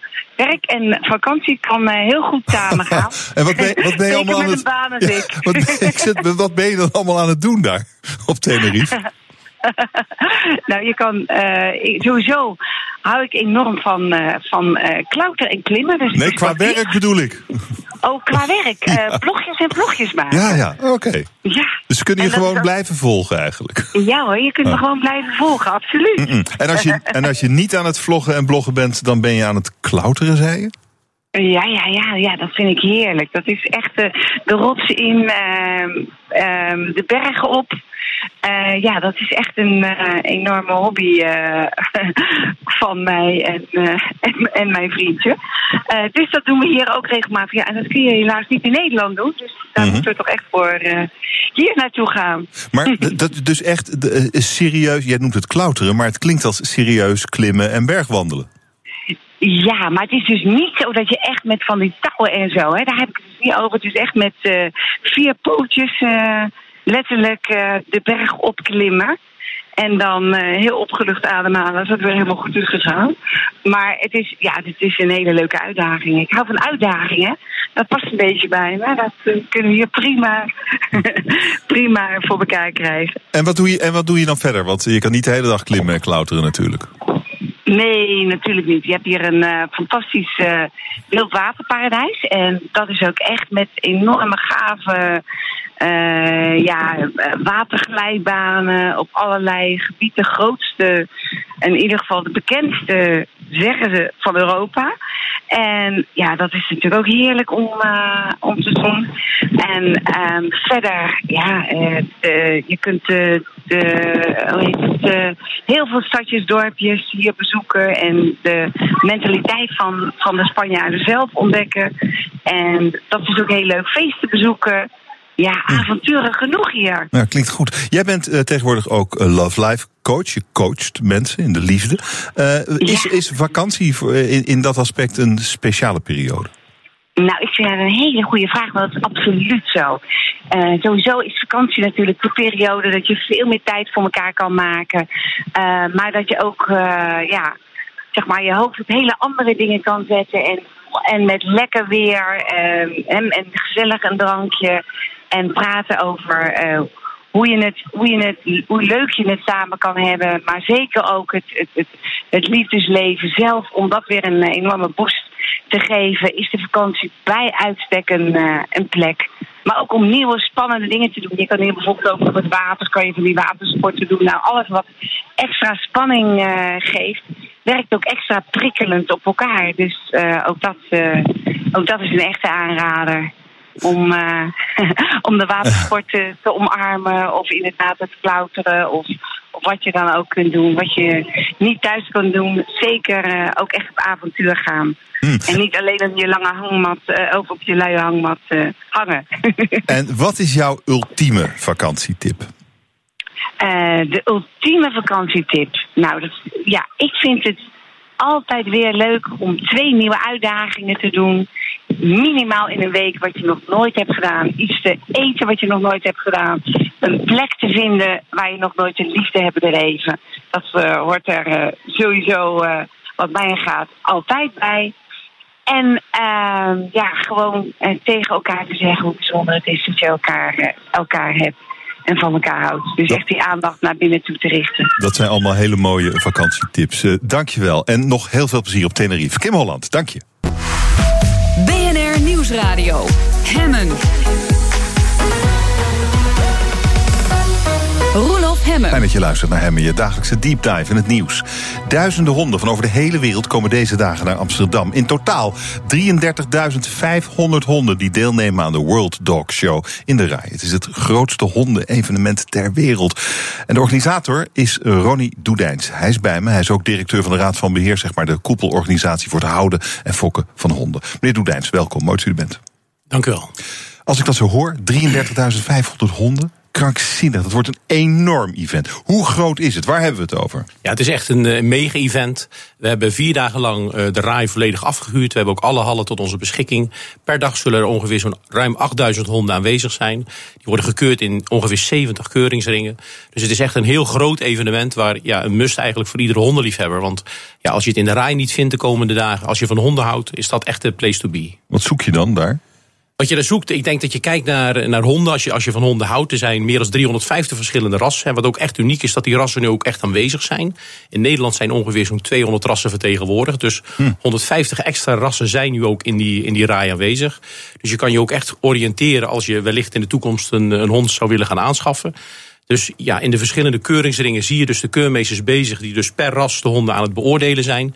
Je ziet de honden eerst een klas winnen en later zie je ze het ras winnen. En aan het eind van de dag komen de, de beste van het ras... dus de honden die hun ring gewonnen hebben... terug in de erering om in een groep weer de competitie aan te gaan... met soortgenoten. En er komen dus vanuit de hele wereld komen baasjes met hun honden... om die honden hier te, te showen.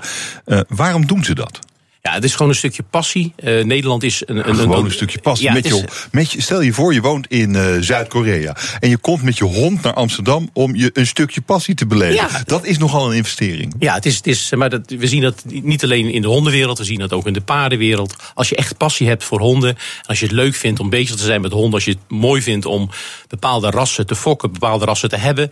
Deze mensen die willen graag aan de wereld laten zien. Onze payoff is ook Show the World Your Talent. Nou, dat is natuurlijk iets wat je nu in de, in de rij kan laten zien. Dus bijvoorbeeld het voorbeeld wat je net geeft, die meneer of die mevrouw uit Korea, komt met haar hond hier naartoe en vindt het heel mooi om met eh, mensen die dezelfde passie hebben voor een bepaald hm. ras, om aan elkaar je honden te laten zien. Ja. Zijn het meest vrouwen of is het gelijk verdeeld? Uh, ik proefde dat u corrigeerde. Nou, weet je, het, het is, het is natuurlijk. Uh, houden van honden is voor iedereen. Uh, en, ja. en, in Nederland zijn meer dan 2 miljoen honden. Per jaar. On, en ongeveer zo'n 700.000 stamboomhonden. Dus honden die behoren tot een bepaald ras. Maar nee, het is, het is zo dat ik, ik kan niet zeggen dat het vrouw of man nee, verbonden nee. is. Nee. Ik denk meest vrouwtjes. Nee hoor. Nee, nee, nee. nee, nee, nee, nee uh, u bent uh, de organisator, u bent directeur van de Raad van Beheer, zei ik al. Kunt u uh, beschrijven wat die Raad van Beheer precies doet? Ja, wij zijn echt een koepelorganisatie. En eigenlijk datgene wat bijvoorbeeld de KNVB doet bij het voetballen... doen wij op het gebied van het houden van honden in Nederland. Dus wij beheren het stamboek. Waar alle honden dus in worden ingeschreven. Rashonden hebben we het dan over. Stamboomhonden, honden ja. met een stamboom. Honden ja. die voldoen aan een bepaald ras. Um, en daarbij als organisatie uh, in samenwerking met onze rasverenigingen monitor, monitoren wij ook een stuk gezondheid. Dus we hebben een gezondheidsbeleid. Hebben vier jaar geleden het FAIRFOC-programma opgericht in, op verzoek van het ministerie. Samen met de faculteit voor diergeneeskunde, met de Wageningen Universiteit, met de Maatschappij voor Diergeneeskunde, met de hondenbescherming. Dus we zijn ook bezig om op een verantwoorde manier de fokkerij van stamboomhonden in Nederland mogelijk te maken. Ja. Uh, dus nou, dat is wat u doet. En deze enorme show, de grootste ter wereld. Het wordt natuurlijk ook een enorme logistieke uitdaging om al die honden uh, bij elkaar te laten komen. Ik probeer het me voor te stellen, uh, 33.500 honden. Uh, dat zijn even zoveel drollen, twee keer zoveel of drie keer zoveel plasjes op een dag. Ze moeten ook allemaal eten, ze moeten allemaal ergens zijn, ze moeten spelen. Ze komen elkaar tegen. Ik bedoel, één grote kakofonie en één grote toestand wordt het. Hoe, hoe gaat u daarmee om? Wat is de logistieke operatie? Ja, u lacht er gelukkig bij en dat doe ik ook. Want het is, het is inderdaad heel goed, heel goed ingeregeld. Ik zal u niet vertellen wat voor rekening wij uiteindelijk moeten betalen voor de schoonmaak. Maar dat betalen we graag. Want ja. natuurlijk, we zijn te gast in de rij. We zijn te gast bij de gemeente Amsterdam. Dus we moeten het uh, schoon achterlaten. Dat gebeurt ook. Er is een heel groot team van uh, operationele medewerkers, ja. maar ook van mensen die de boel schoonmaken. Maar die trolletjes moeten natuurlijk meteen weg. Ja. Anders wordt het ja. dus één grote smerige bende. We hebben honderdduizend, meer dan 100.000 poepzakjes zijn er, uh, zijn er beschikbaar. Dus die, die hangen ook overal. Dus als een hond zijn behoefte doet, want dat, is, uh, dat hoort erbij natuurlijk. Dan is dat ook door de eigenaar direct zelf op te ruimen. Dat, dat geven we ook heel duidelijk aan. En als je natuurlijk normaal fatsoenlijk gedrag hebt, dan doe je dat ook. Als je hond iets achterlaat, dan ruim je dat op. Maar er is ook een team van mensen die in alle hallen uh, hmm. datgene wat achterblijft uh, schoonmaakt. Dus ik kan u verzekeren, als je de rij bezoekt, dan kan je gewoon drolvrij door de hallen heen. Het stinkt niet. Nee, het stinkt zeker niet. Nee. Uh, hoe ziet zo'n show eruit? U vertelde al, al die 350 verschillende rassen worden allemaal beoordeeld en is er een winnaar. Hoe gaat, hoe gaat zo'n show? Hoe gaat ja. zo'n wedstrijd? Nou, het is zo, we 350 rassen. Het is niet zo dat al die rassen op dezelfde dag zijn. Nee. We hebben ongeveer zo'n 8000 honden per dag. Hè, dat, dat is zeg maar de verhouding. Uh, in totaal uh, per ras wordt dus inderdaad, zoals u aangeeft, eerst het beste mannetje gekozen, het beste vrouwtje gekozen vanuit de verschillende klasses. Dus je hebt een jeugdklasse, een puppyklasse, een veteranenklasse. Dus die verdeling zit daarin. Uiteindelijk, uh, die beste van het ras, die gaat smiddags naar de erering. En we kennen ook tien rasgroepen. Je hebt bijvoorbeeld een rasgroep terriers, een rasgroep herdershonden, een rasgroep waak- en verdedigingshonden, een rasgroep windhonden. Dus in een specifieke rasgroep komen ze weer bij elkaar. En dan op zondagavond, aan het begin van de avond, is de grote finale, de best in show. We hebben een schitterende erering. Mooi ingericht. En daar komen de tien finalisten. En dan wordt uiteindelijk de best in show gekozen. Dus de best in show van de wereldtentoonstelling 2018. Maar, maar wat is.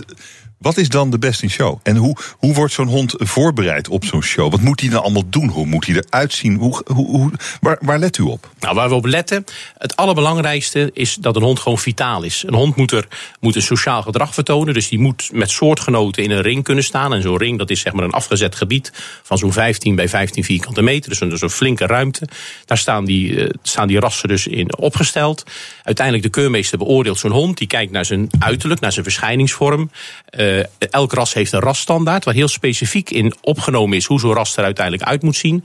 Maar als eerste kijkt de keurmeester, is die hond vitaal? Hoe is zijn ademhaling? Is hij in een goede conditie? Loopt hij op een vlotte manier door die ring heen? Presenteert hij zich goed? En dan checkt de keurmeester aan de hand van die rasstandaard. En die rasstandaard, die, die keurmeester heeft geen papier voor. Nee, dat zit gewoon in zijn hoofd, want zijn keurmeester heeft ervoor gestudeerd. Beoordeelt hij dan die honden. En als hij dan zo'n klas beoordeeld heeft, heeft hij honden gekwalificeerd. Daarna plaatst hij de honden. En de winnaar van die klasse, die gaat, komt uiteindelijk weer terug. En alle klassenwinnaars, die gaan uiteindelijk tegen elkaar voor, het, voor de beste van het ras.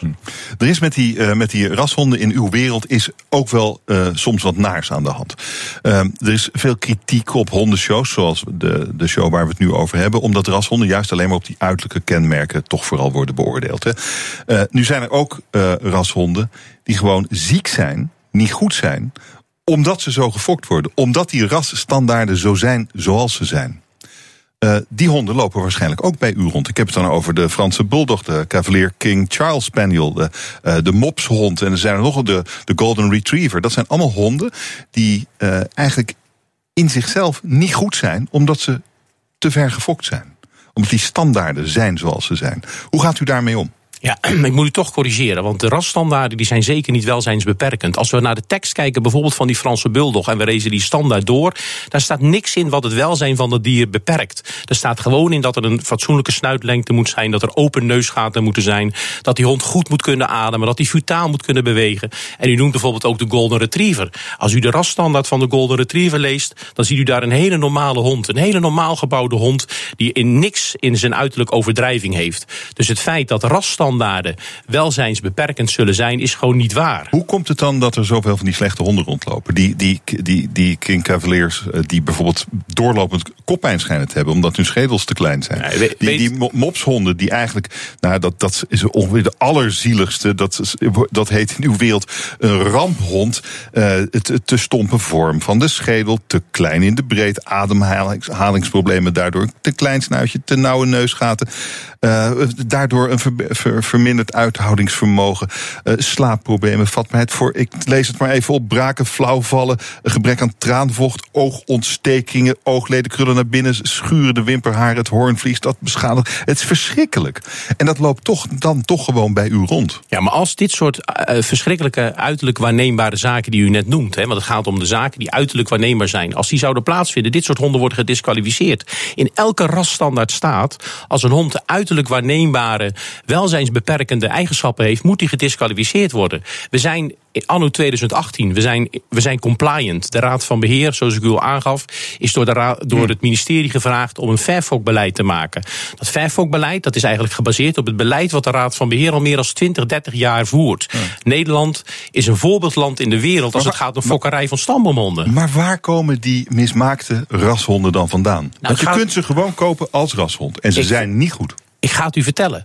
Het is zo, in Nederland komen er per jaar gemiddeld 140.000 puppies bij. Ongeveer een kleine 6, 37.000 van die puppies die komen vanuit de Raad van Beheer. Die komen vanuit fokkers, die worden eh, aangesloten zijn bij verenigingen... die onder de paraplu van de Raad van Beheer vallen. Hm. Maar per jaar komen er meer dan 100.000 puppies bij... die buiten onze buiten ons om gefokt worden. En dat noemen wij de lookalikes. Dat zijn honden die zien eruit als die Golden Retriever. Die zien eruit als die Franse Bulldog. Maar die worden niet gefokt vanuit de normstelling zoals de Raad van Beheer... die samen met haar fokkers en haar vereniging heeft gesteld. Hm. Dus we zien een hele grootschalige import van honden uit uh, Hongarije, uit Roemenië, die met vrachtwagenladingen naar Nederland komen, die hier in de markt gezet worden. Dat zijn inderdaad honden die eruit zien als rashonden, maar het zijn geen rashonden. Een rashond is een hond die uiteindelijk door onze buitendienst is gechipt, die door onze buitendienst van DNA, DNA-afname heeft gedaan. Dit zijn honden, die mag je formeel rashond noemen volgens de normstelling, zoals de Raad van Beheer die met haar verenigingen heeft samengesteld. Maar die King Cavaliers met die te kleine schedeltjes, bijvoorbeeld, dat zit dan toch ook gewoon, het is blijkbaar mooi om een klein schedeltje hebben. De mopshondjes een zo klein mogelijk snel. is blijkbaar mooi. Iemand heeft dat ooit bedacht. Hè? Die beesten zijn niet vanzelf zo gegroeid. Zijn zo gefokt. Zou het niet vanuit uw vereniging, vanuit uw, uw, uw show straks, niet een heel krachtig signaal zijn om, om te zeggen: Nou, die honden, uh, waar het zo vreselijk mis mee kan gaan, die willen wij niet. Wij doen, die doen we niet meer. Die, die willen we, we willen niet meer dat die honden zo populair zijn uh, dat ze nog steeds zo slecht gefokt worden.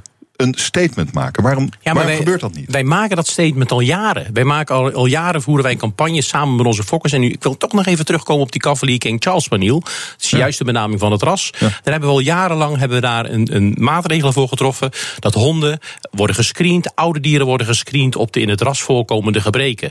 Dus we, er wordt alleen maar gefokt met dieren waar deze gebreken niet bij voorkomen. Dus u maait Ja, ja. ook alles weer over één Ja. kam. Dus u, dat, u doet datgene wat bijvoorbeeld ook een activistische organisatie als Dierenrecht doet. Ja, ja. Die we ook uit, vaak uitgenodigd hebben. Kom met ons om tafel. Die hebben we destijds ook uitgenodigd. Kom mee met dat verfok. Alleen het feit is, onze fokkers, en ik neem het echt op voor onze fokkers in Nederland. Want deze fokkers en ook onze rasverenigingen, die eh, maken een, dat heet een verenigingsfokreglement. Die hebben een beleid gemaakt, heel specifiek voor hun ras.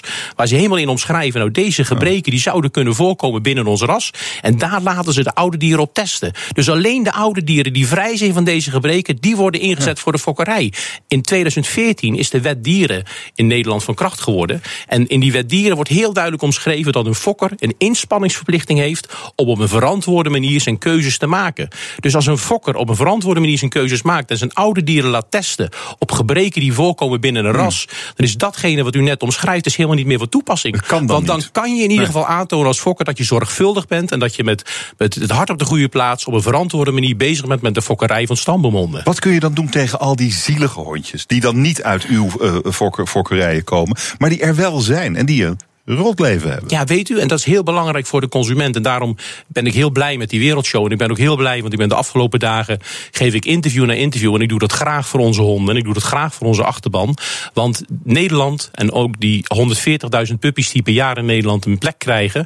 En het maakt mij niet uit, want ik hou van honden, of dat het nu stamboomhonden zijn of niet. Het gaat uiteindelijk om goede honden, verantwoord gefokte honden en honden die een gezond leven en een lang leven kunnen leiden. Alleen heel veel mensen, als die een dagje in het Vondelpark zijn en die zien daar een paar leuke honden, die willen s'avonds gaan ze via Marktplaats kijken waar kan ik zo'n hond kopen, want ik wil zo'n hond hebben. Een hond is geen impulsaankoop. Je moet een hond op een verantwoorde manier aanschaffen. Daar moet je tijd voor nemen en je moet je goed onderzoek doen.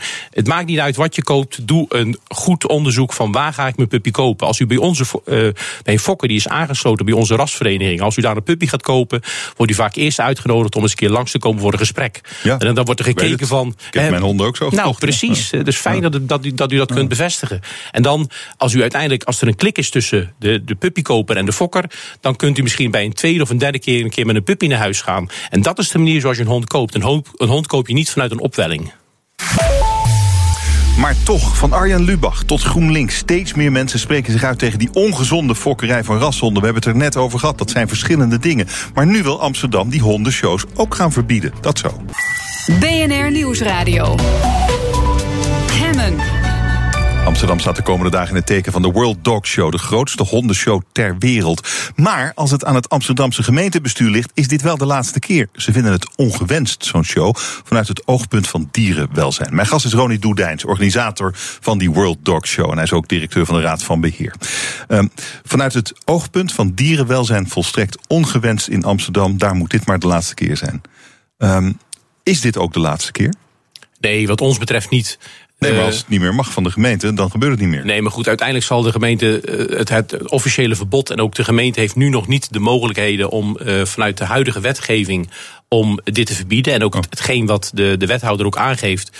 Het is ook zeer ongenuanceerd zoals hij die uitspraak doet. En hij onderbouwt de uitspraak ook, ni- ook niet. Hij geeft dus aan van ja, juist om die, dat element van dierenwelzijn. Juist omdat het element van dierenwelzijn niet goed geborgd zou zijn. Dat is de reden waarom het stadsbestuur van de gemeente Amsterdam vindt dat er in de toekomst niet van dit soort evenementen georganiseerd moeten En u worden. zegt, ze begrijpen het eigenlijk niet. Want u heeft net uitgelegd dat grote verschil tussen eh, de fokkers die compliant zijn met de eisen van de, van, de, van de vereniging, van de Raad van Beheer, en alle anderen die die slechte honden maken.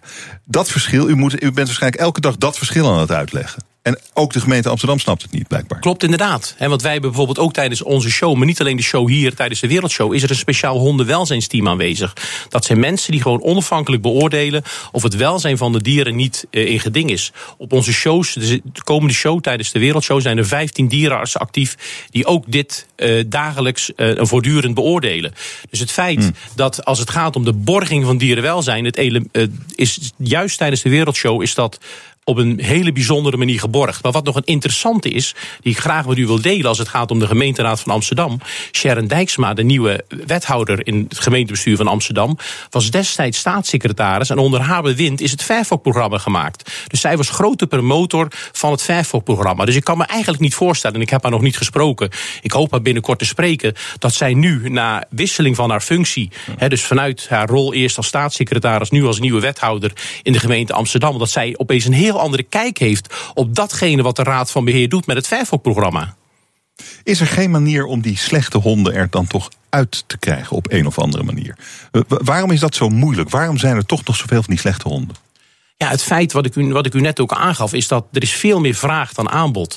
De Raad van Beheer en bij, de, bij haar aangesloten verenigingen, Fokkers, zijn goed voor ongeveer 36, 37.000 nieuwe puppies per jaar. Ja, maar zijn die, verand- niet tegen te houden? Die, die, die, ja, die, daar, die- daar zal landelijk beleid voor gemaakt moeten worden. Wij in het Hoe zou dat eruit moeten zien, In, het- vindt in het Fairfok-programma is ook heel duidelijk een paragraaf opgenomen voor die hondenhandel. Voor die grootschalige fokkerij van honden.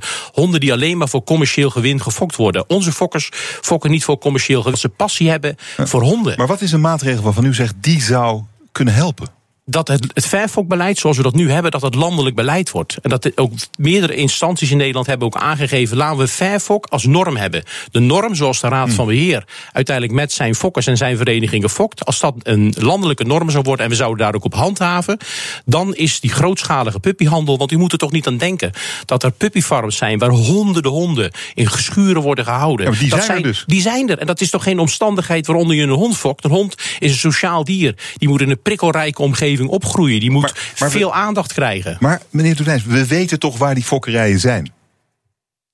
Waarom gebeurt er niks tegen? Ja, die, die vraag, u, gelooft u mij, alle gesprekken die ik voer bij het ministerie, gelooft u mij alle gesprekken die ik voer namens de Nederlandse kinologie, namens de Nederlandse hondenwereld, met de bewindmakers in Nederland, elke keer adresseer ik dat. Van, we moeten ervoor zorgen, aan de ene kant is Nederland, lopen we voorop met de stamboomfokkerij van, van rashonden.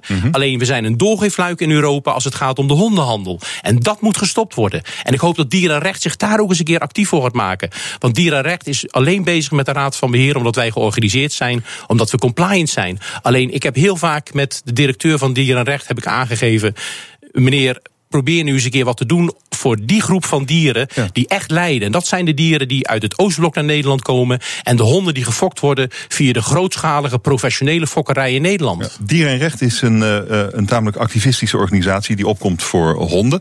Eh, dus tegen het, het wanbeleid als het gaat over fokken. Het, het gekke is dan wel dat ze u op de korrel nemen, zoals u zegt, inderdaad. Eh, zij zeggen nu, we gaan spionnen inzetten eh, tijdens de World Dog Show. Dus mensen die gaan filmen, eh, de, alle misstanden die zij vermoeden, gaan filmen en naar buiten gaan brengen. Ben- Bent u er bang voor? Nee, daar ben ik helemaal niet bang Wat vindt voor. u ervan? Ja, weet u, wij, ook wij hebben ze natuurlijk uitgenodigd. Wij hebben ook aangegeven. Ook een van de dierenartsen van, van Dierenrecht heeft contact met ons gezocht, maar die is zelf op vakantie. Dan denk ik, nou, als je echt van dieren houdt en er is zo'n evenement waar je tegen bent, dan zou ik niet op vakantie gaan, dan zou ik daar zijn. Maar dat is even terzijde. Eh, het feit dat ehm, wij gewoon zeggen, komt u maar, ze hoeven niet als spion rond te gaan. We willen ze ook rondleiden. Ze mogen gewoon, ze zijn welkom, ze mogen komen kijken. Iedereen is welkom. De komende dagen is er heel veel pers aanwezig. Er zijn meer dan honderdduizend hondenliefhebbers in de stad Amsterdam. Iedereen is welkom. En echt, we hebben niks te verbergen. Dus komt u maar kijken. U zult zien dat onze keurmeesters compliant handelen. Die zullen zorgvuldig keuren. En die zullen honden die niet voldoen, eh, honden die niet, niet fit voor functie zijn, zullen uiteindelijk gedisqualificeerd worden. Dus ik, ik ben ervan overtuigd dat de honden die uiteindelijk in de erering komen, dat die honden allemaal fit voor functie zijn. En op een goede manier in het leven staan. En een, ook een goed hondenleven hebben. Maar u zegt ook eh, eigenlijk tegen dieren en recht: focus je nou eens op die illegale handel. Of die, of die, die nou ja, illegaal, ik weet niet, is het illegaal eigenlijk? Voor een deel is het illegaal, voor een deel is het ook gereguleerd. Maar waarom, wa- wa- wat krijgt u dan voor antwoord als u dat zegt tegen dieren en recht? Ja, dat, dat ze op die tak van eh, geen, geen grip hebben. Omdat uiteindelijk, eh, het is dus voor een deel is het ook nog een grijs gebied waar, waar, waar minder grip op is. En, eh, en, en uiteindelijk laat de wet het ook toe. Hè, de wet dieren laat het ook toe dat bedrijven professioneel op zo'n grootschalige manier honden fokken. En ja, dat is iets wat heel ver van ons afstaat als, eh, als raad van beheer. Ik, er, is, er is wel een eh, fundamentele vraag die je zou kunnen stellen. Waarom is het zo belangrijk om raszuivere honden te hebben? Nou, weet u, het, het woord raszuiver, dat, dat, dat, dat vind ik ook niet helemaal een, een woord wat, wat echt, echt, echt, echt uh, soepel loopt. hoe noemt u het? Hoe noemt u nou, nou, weet u, het gaat erom. Uh, u heeft zelf ook uh, twee, twee stamboomhonden. Ja, ja. Een hond wordt gefokt op bepaalde eigenschappen. Als je kijkt naar de geschiedenis, ik gaf net ook al aan, stel wij lopen nu samen even naar het Rijksmuseum hier in Amsterdam, dan zien we verschillende schilderijen hangen die eeuwen oud zijn en daar worden al honden afgebeeld met mensen. Honden zijn door de jaren heen zijn die gevormd. Mensen wilden een jachthond, mensen wilden een werkhond, mensen wilden een sledehond of een windhond. Vanuit die eigenschappen zijn honden gevormd. Qua uiterlijk zijn die op die manier gevormd. Qua gedrag zijn die zo gevormd. En dat is ook het mooie van een stamboomhond. Want als u een bepaalde hond wilt, u wilt een bepaald gedrag wat bij u past. En natuurlijk, elke hond is uniek. Elke hond heeft zijn eigen specifieke gedrag. Maar je kan wel zeggen, een terrier heeft dit gebonden mm -hmm. terriergedrag. En een, een windhond heeft dit gebonden windhondengedrag. Juist omdat die eigenschappen zo mooi zijn. En omdat ook heel veel rashonden gemakkelijk 14, 15 jaar oud worden. Dus je hebt dan, en je weet ook wat je koopt. En zeker ook gezien de normstelling en de manier zoals wij tegenwoordig fokken. Met de gezondheidsscreening die er zijn, koopt u ook een stukje zekerheid. Dus daarom is het hebben en het houden van een stamboomhond, dus een hond met een voorspelbaar uiterlijk en een voorspelbaar gedrag, is natuurlijk heel mooi om te hebben. Want aan de ene kant is het natuurlijk mooi om te zeggen: ik ga naar een asiel en ik ga daar een hondje halen. Alleen u, u weet niet wat u koopt. U kent niet de geschiedenis van het dier. U weet, kent niet de voorouders van het dier. Dus uiteindelijk is dat ook een beetje Russisch roulette. En natuurlijk, begrijpt u me niet verkeerd, ook die honden moeten een plekje krijgen. Alleen, ik sta hier omdat ik achter het beleid sta, zoals de Raad van Beheer, al vele tientallen jaren probeert op een verantwoorde manier de fokkerij van stamboomhonden in Nederland te monitoren. Zouden die honden het leuk vinden eigenlijk uh, op de World Dog Show? Nou, u, bent, u bent zelf een hondenman, dus ik weet zeker uh, dat, dat, dat dat zo is. Kijk, een hond, als een hond iets onder dwang doet, dan zie je dat. Dus een hond, als een hond doet het alleen maar al iets met zijn baas. En een hond vindt het heerlijk om met zijn baas bezig te zijn. Ik heb veel meer moeite met mensen die een hele dag werken. En die een hond heel de dag thuis laten. En s'avonds thuiskomen en die hond is heel de dag, acht, negen uur alleen geweest. Dat vind ik veel erger. U zult, u zult zien dat mensen die met hun honden naar de show komen, die vinden dat leuk. Die honden vinden dat leuk. Die hebben aandacht. Er is interactie tussen baas en hond. En ja, ja. zo'n hond, je ziet het gewoon aan het hele verschijnen, aan het hele presenteren van die hond, dat die hond het naar zijn, naar zijn zin heeft. En los van die keuringen, want daar hebben we het nu steeds over, zijn er ook een aantal demonstraties. We hebben een hele grote ring in het midden van de Europahal, waar alle vierde dagen allerlei demonstraties met het werken met honden, het sporten met honden, allerlei zaken die je met honden kunt doen. We hebben in Nederland 70 lokale kinologenverenigingen, waar elke avond op het veld allerlei activiteiten met honden worden gedaan. Nou, en dat is ook hetgeen wat we laten zien. Want u snapt natuurlijk wel dat wij de Wereldshow ook gebruiken om alles te laten zien wat in Nederland speelt met het gebied van houden van honden. Want daar gaat het uiteindelijk om. U heeft er zelf vier, hè? Ja. Wat brengen die honden u? Heel veel ongecompliceerd, ongecompliceerd plezier. Uh, ik heb twee Tibetaanse terriers en twee Finse spitsen. Uh, een Tibetaanse terrier teefje die is al ruim 14. En een ander teefje die is ruim 13. Uh, een jonge Finse spits Reu en een, een Finse van 6. En het is gewoon heerlijk als je, als je thuis bent en, en als je gewoon het, het, plezier, het, bezig zijn met je honden, het honden om je heen hebben, een lekkere wandeling met ze maken. En uh, ja, ze zijn eigenlijk altijd vrolijk. Dus, uh, en ongecompliceerd, dat is, dat is het geheim eigenlijk. Ja. Een hond heeft altijd gelijk ook. Ja, zeker weten. Ja. Mooi ja. is dat. Nou, ik wens u veel plezier uh, met de World Dog Show en met uw eigen honden natuurlijk. En hartelijk dank voor dit gesprek. Ronnie Doedijns, organisator van de World Dog Show en directeur van de Raad van Beheer. Dank u wel. BNR Nieuwsradio. Hemmen. VVD-Kamerlid Wieberen van Haga is nog steeds betrokken bij zijn vastgoedbedrijven, schrijft het Parool. Hij mocht als Kamerlid alleen aanblijven als hij zich niet meer zou bemoeien met die bedrijven. Ik bespreek het in. De kantine. Met vandaag Arjan Korteweg, politiek verslaggever bij de Volkskrant. En Ip Haarsma, hoofdredacteur van RTV Rijnmond. Heren, welkom. Dank je wel. Goedemiddag. Dank je. Arjan, hij staat volgens het uh, Parool, dus deze van Haga, nog steeds heel dicht bij zijn bedrijf. Te dicht eigenlijk, suggereert ja. het Parool. Wat is jouw taxatie van deze? Nou ja, ik, ik zag dat een hoogleraar uh, die daar verstand van heeft, zoiets een smurf noemt. Jaap Koelewijn zei dat. Ja, ja, ja, ja. smurf. Namelijk de directeur die hij benoemd had in zijn ja, bedrijf. Dat was, dat was een smurf. en dat betekent dat, uh, dat, dat Van Haga nog steeds een soort oppersmurf is. Die, ja, die natuurlijk wel aan de touwtjes trekt. Die die mevrouw niet formeel zal aansturen, maar ongetwijfeld wel informeel ongetwijfeld heel erg betrokken is bij. bij zijn, zijn twee zaken, een privézaak en, en een holding die hij los van elkaar heeft. En uh, hij heeft een absoluut minimumpakket. Uh, tot nu toe aan maatregelen genomen. En ja, het is, het is een politieke thriller rond hem. Eigenlijk. Ja, natuurlijk, want eh, die ene zetel die heeft, die heeft Ja. de coalitie enorm hard nodig. Zonder Eh, Van Haga geen meerderheid. Nee, er wordt gelonkt naar hem door Baudet. Eh, want hij is eh, goed bevriend met Baudet. Ze hebben bij elkaar in de buurt gewoond in Haarlem. Hè. De roots van Baudet liggen in Haarlem. Kennen ze elkaar van. Eh, ze, ze smoezen vaak in de kamer met elkaar. Dus, dus naar buiten toe zijn alle signalen op. Niet, niet op rood, maar op oranje. En hij weet waarschijnlijk ook wel hoe je dat soort dingen doet. Elk Ja. gesprekje met Baudet, wat in het oog van de passanten is, is weer een extra eh, alarm eh, bij, bij de VVD. Ik, ik zit me wel af te vragen, ik- deze man is natuurlijk gewoon ondernemer. Ja. En eh, ja, moet, moet je als ondernemer, hij heeft een directeur benoemd, nou, een smurf zou je het kunnen noemen, maar hij heeft wel enige afstand ingebouwd. Wanneer is het genoeg? Nou ja, kijk, het feit dat de VVD hiermee in de maag eh, zit, eh, dat blijkt niet voldoende te zijn geweest. Ze hebben hem de keuze geboden. Of je gaat op afstand, hè, letterlijk op afstand, of je kiest voor, voor het lidmaatschap. Hoe ga je dan op Maak afstand? dan de keuze. Nou ja, dan moet je ook duidelijk ook eh, de keuze nemen. En dan maar hij heeft, toch en- een, hij heeft toch een directeur benoemd? Ja, oké, smurf zegt ja, soms. precies. Als je Smurf wel- noemt als directeur, dan neem je niet voldoende afstand. En volgens mij is het dan, Ah. moet je dan ook eerlijk naar jezelf toe zijn. En vooral ook naar de partij die je eventueel schade aan kan, eh, kan- kan richten. Moet je zeggen, het is het een of het ander. Ja.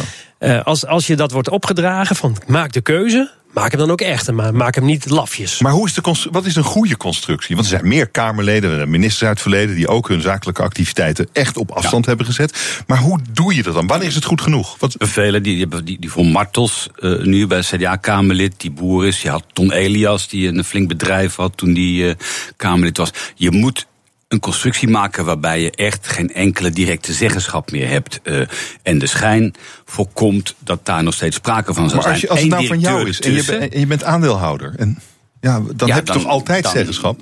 Da- dan, dan zul je die aandelen zul je dan eh, op afstand moeten zetten ook. Dan zul je ervoor moeten zorgen dat die aandelen door een ander worden beheerd. In een stichting of zo met een Ja, voorzitter. En daar dat, zijn dat- natuurlijk wel vormen voor Ja, te bedenken. Eigenlijk zoals, Ja. zoals Trump ook heeft gedaan toen hij zijn, eh, zijn eh, toen, hij hij president ja. werd, heeft hij gezegd van Ja. jongens, kijk eens, heeft hij een hele mooie show van gemaakt zelfs. Met allemaal eh, ordners en allemaal advocaten erbij om te bewijzen. Jongens, ik ga het nu echt uit handen geven. Terwijl hij natuurlijk ook gewoon, als je het hebt over een smurf, volgens mij zit daar ook ergens een smurf. En is hij de grote smurf. Een legertje. Dat doet me wel een beetje denken. Maar het is wel heel interessant om te zien. Ja. Volgens mij eh, is het, is, het, is, het, is het wel echt voor een politiek verslaggever. Het zijn fantastische eh, verhalen natuurlijk. Ja, maar wat als hij inderdaad naar, naar Baudet praten, gaat? Nee, maar als hij echt naar Baudet gaat, wat dan? Eh, als hij echt naar Baudet gaat, dan glorieert eh, Baudet eh, nog veel meer dan naar zijn zwembadfoto. Dat is voor hem. is, is voor Dat hem was al een hoogtepunt. Hij, hij, hij breidt zijn fractie met 50% uit in één keer. Hij, hij treft de VVD waar ze het meest kwetsbaar zijn op twee manieren: in hun parlementaire meerderheid voor de coalitie. En in eh, de schijn van eh, belangenverstrengeling en van zich niet aan eh, de, de eigen regels houden, die altijd rond de VVD hangt. Nou, dus dat is voor hem iets. Een veel mooier cadeau kan hij niet krijgen. Nou, we gaan zien hoe dit eh, afloopt. Ik weet niet, wanneer verwachten we nieuwe dingen? Nou, nou ik denk de VVD moet hier wat mee natuurlijk. ze moeten daarop reageren. Ik zag dat de N-Kamerlid al gereageerd had en had gezegd van nou, eh, hij heeft het toch op afstand gezet. Nou, het is En dat wordt de een, discussie hele minimale eh, afstand. En ehm, er moeten eerst wat meer, wat meer Kamerleden terugkomen, denk ik, voordat dit een vervolg krijgt. Ander schandaaltje deze ochtend, eh, ook in de Volkskrant toevallig. Honderden Nederlandse wetenschappers hebben artikelen gepubliceerd in tijdschriften met een twijfelachtige reputatie tegen betaling. Eh, dus wetenschappers, die willen natuurlijk vaak geciteerd worden, vaak eh, gepubliceerd worden. Nou ja, het dus is ook van in betalen dan. Ja, het is ook van levensbelang vaak voor hen. Hè? Om ook eh, om, om, om, hoger, om nog betere banen te krijgen, om Ja, maar- ergens aangenomen te worden. Dus ze, zijn, ze staan onder enorme druk om te, om, te- om te publiceren. En daar gaat dit dus, is dit een gevolg daarvan. Maar er zijn een paar belangrijke tijdschriften op wetenschappelijk gebied waar ja. je in wilt. Ja. En daaronder zijn dus een heleboel eh onmogelijke, obscure tijdschriftjes waar je tegen betaling in kan. Ja. En wie niet in die goede tijdschriften komt, die betaalt een paar honderd piek en die komt dan in zo'n ander tijdschrift. Ja. Dat is blijkbaar wat hier gebeurt. Nou ja, het zegt Wat iets zeg je? over het systeem, denk ik, waarin, eh, wij, eh, waarin we met onze medici waarin we verkeren. Ik vind het wel zorgelijk, eerlijk Wat gezegd. zegt het je Dat- dan? Nou ja, dat het dus eigenlijk niet zozeer gaat om het onderzoek, maar dat je maar publiceert, kennelijk. En dat dat nog belangrijker is dan inhoud. Ik vind dat. En dat dat daarmee dus ook een soort meetlat wordt voor je carrière. Mhm. Ik vraag me af of dat niet op een andere manier geregeld kan worden. Nou, we, we spraken uh, vanmorgen Wim van Saarloos. Hij is de president van de Koninklijke Nederlandse Academie van Wetenschap. En hij zegt, vaak gebeurt dit door toedoen van buitenlandse co-auteurs van die Nederlandse wetenschappers. Luister even naar hem. Het gaat denk ik om relatief kleine aantallen. Ik ben er wel verbaasd over, laat ik het dat vooropstellen. Maar uh, ik denk dat je als je het stuk in de Volksstand leest, dan zie je ook dat het vaak gaat om onderzoekers die waarschijnlijk door een co-auteur, want een, een, onderzoek als je een publicatie hebt, doe je vaak met meerdere onderzoekers. En dat het waarschijnlijk in veel gevallen een van de collega's is geweest, vaak ook in een ander land, die gezegd heeft: Oh, ik wil het daar en daar graag publiceren. Ben je dan betrokken geweest bij zo'n onderzoek, dan, uh, ja, dan kan ik me voorstellen dat je ja zegt.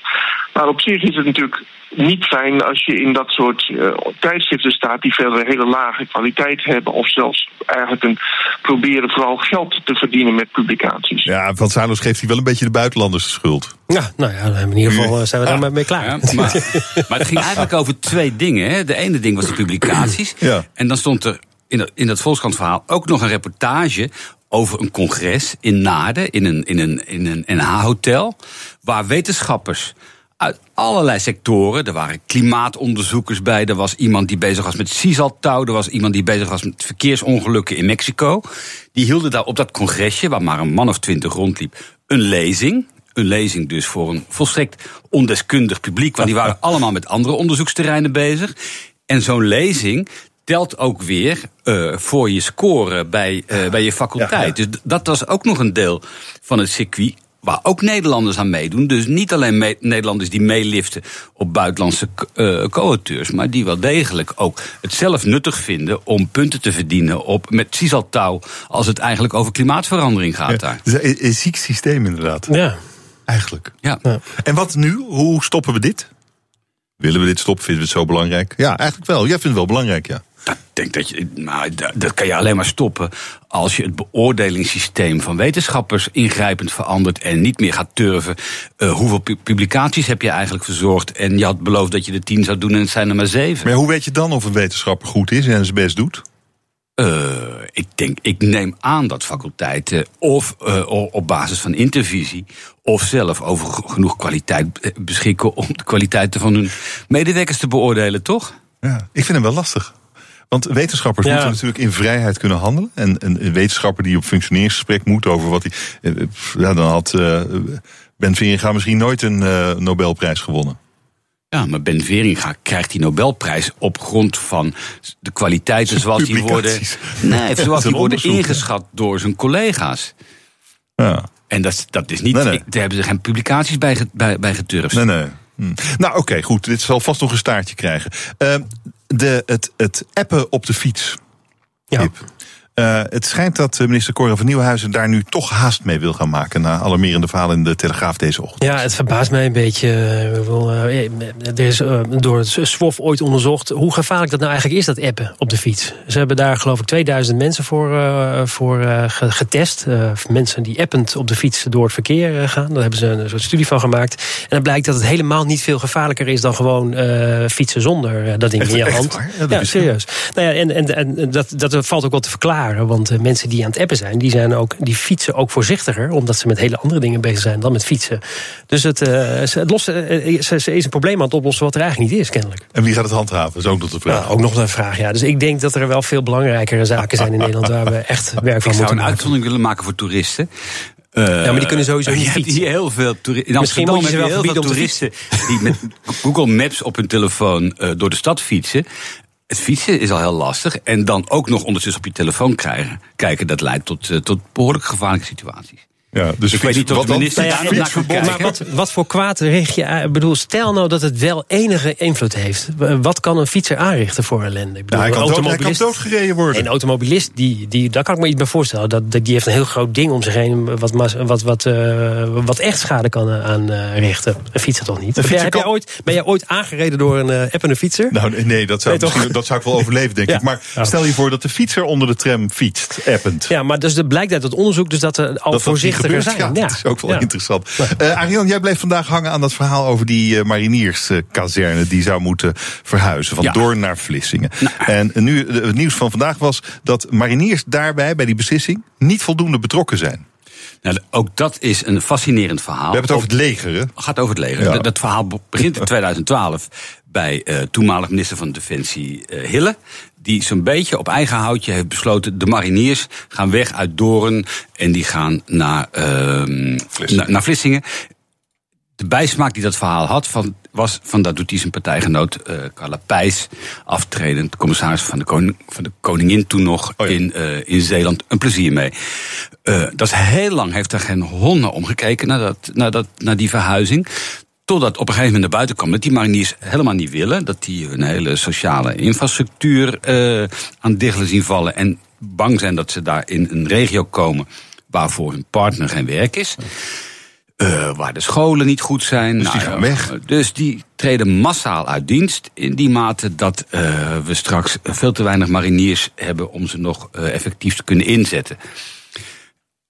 Nou, dat is door Defensie lang tegengehouden. De, de, de, de baas van de mariniers, McMurtry, heeft al gezegd... ik denk dat op termijn de helft van de mariniers wel eens zou kunnen vertrekken om deze reden.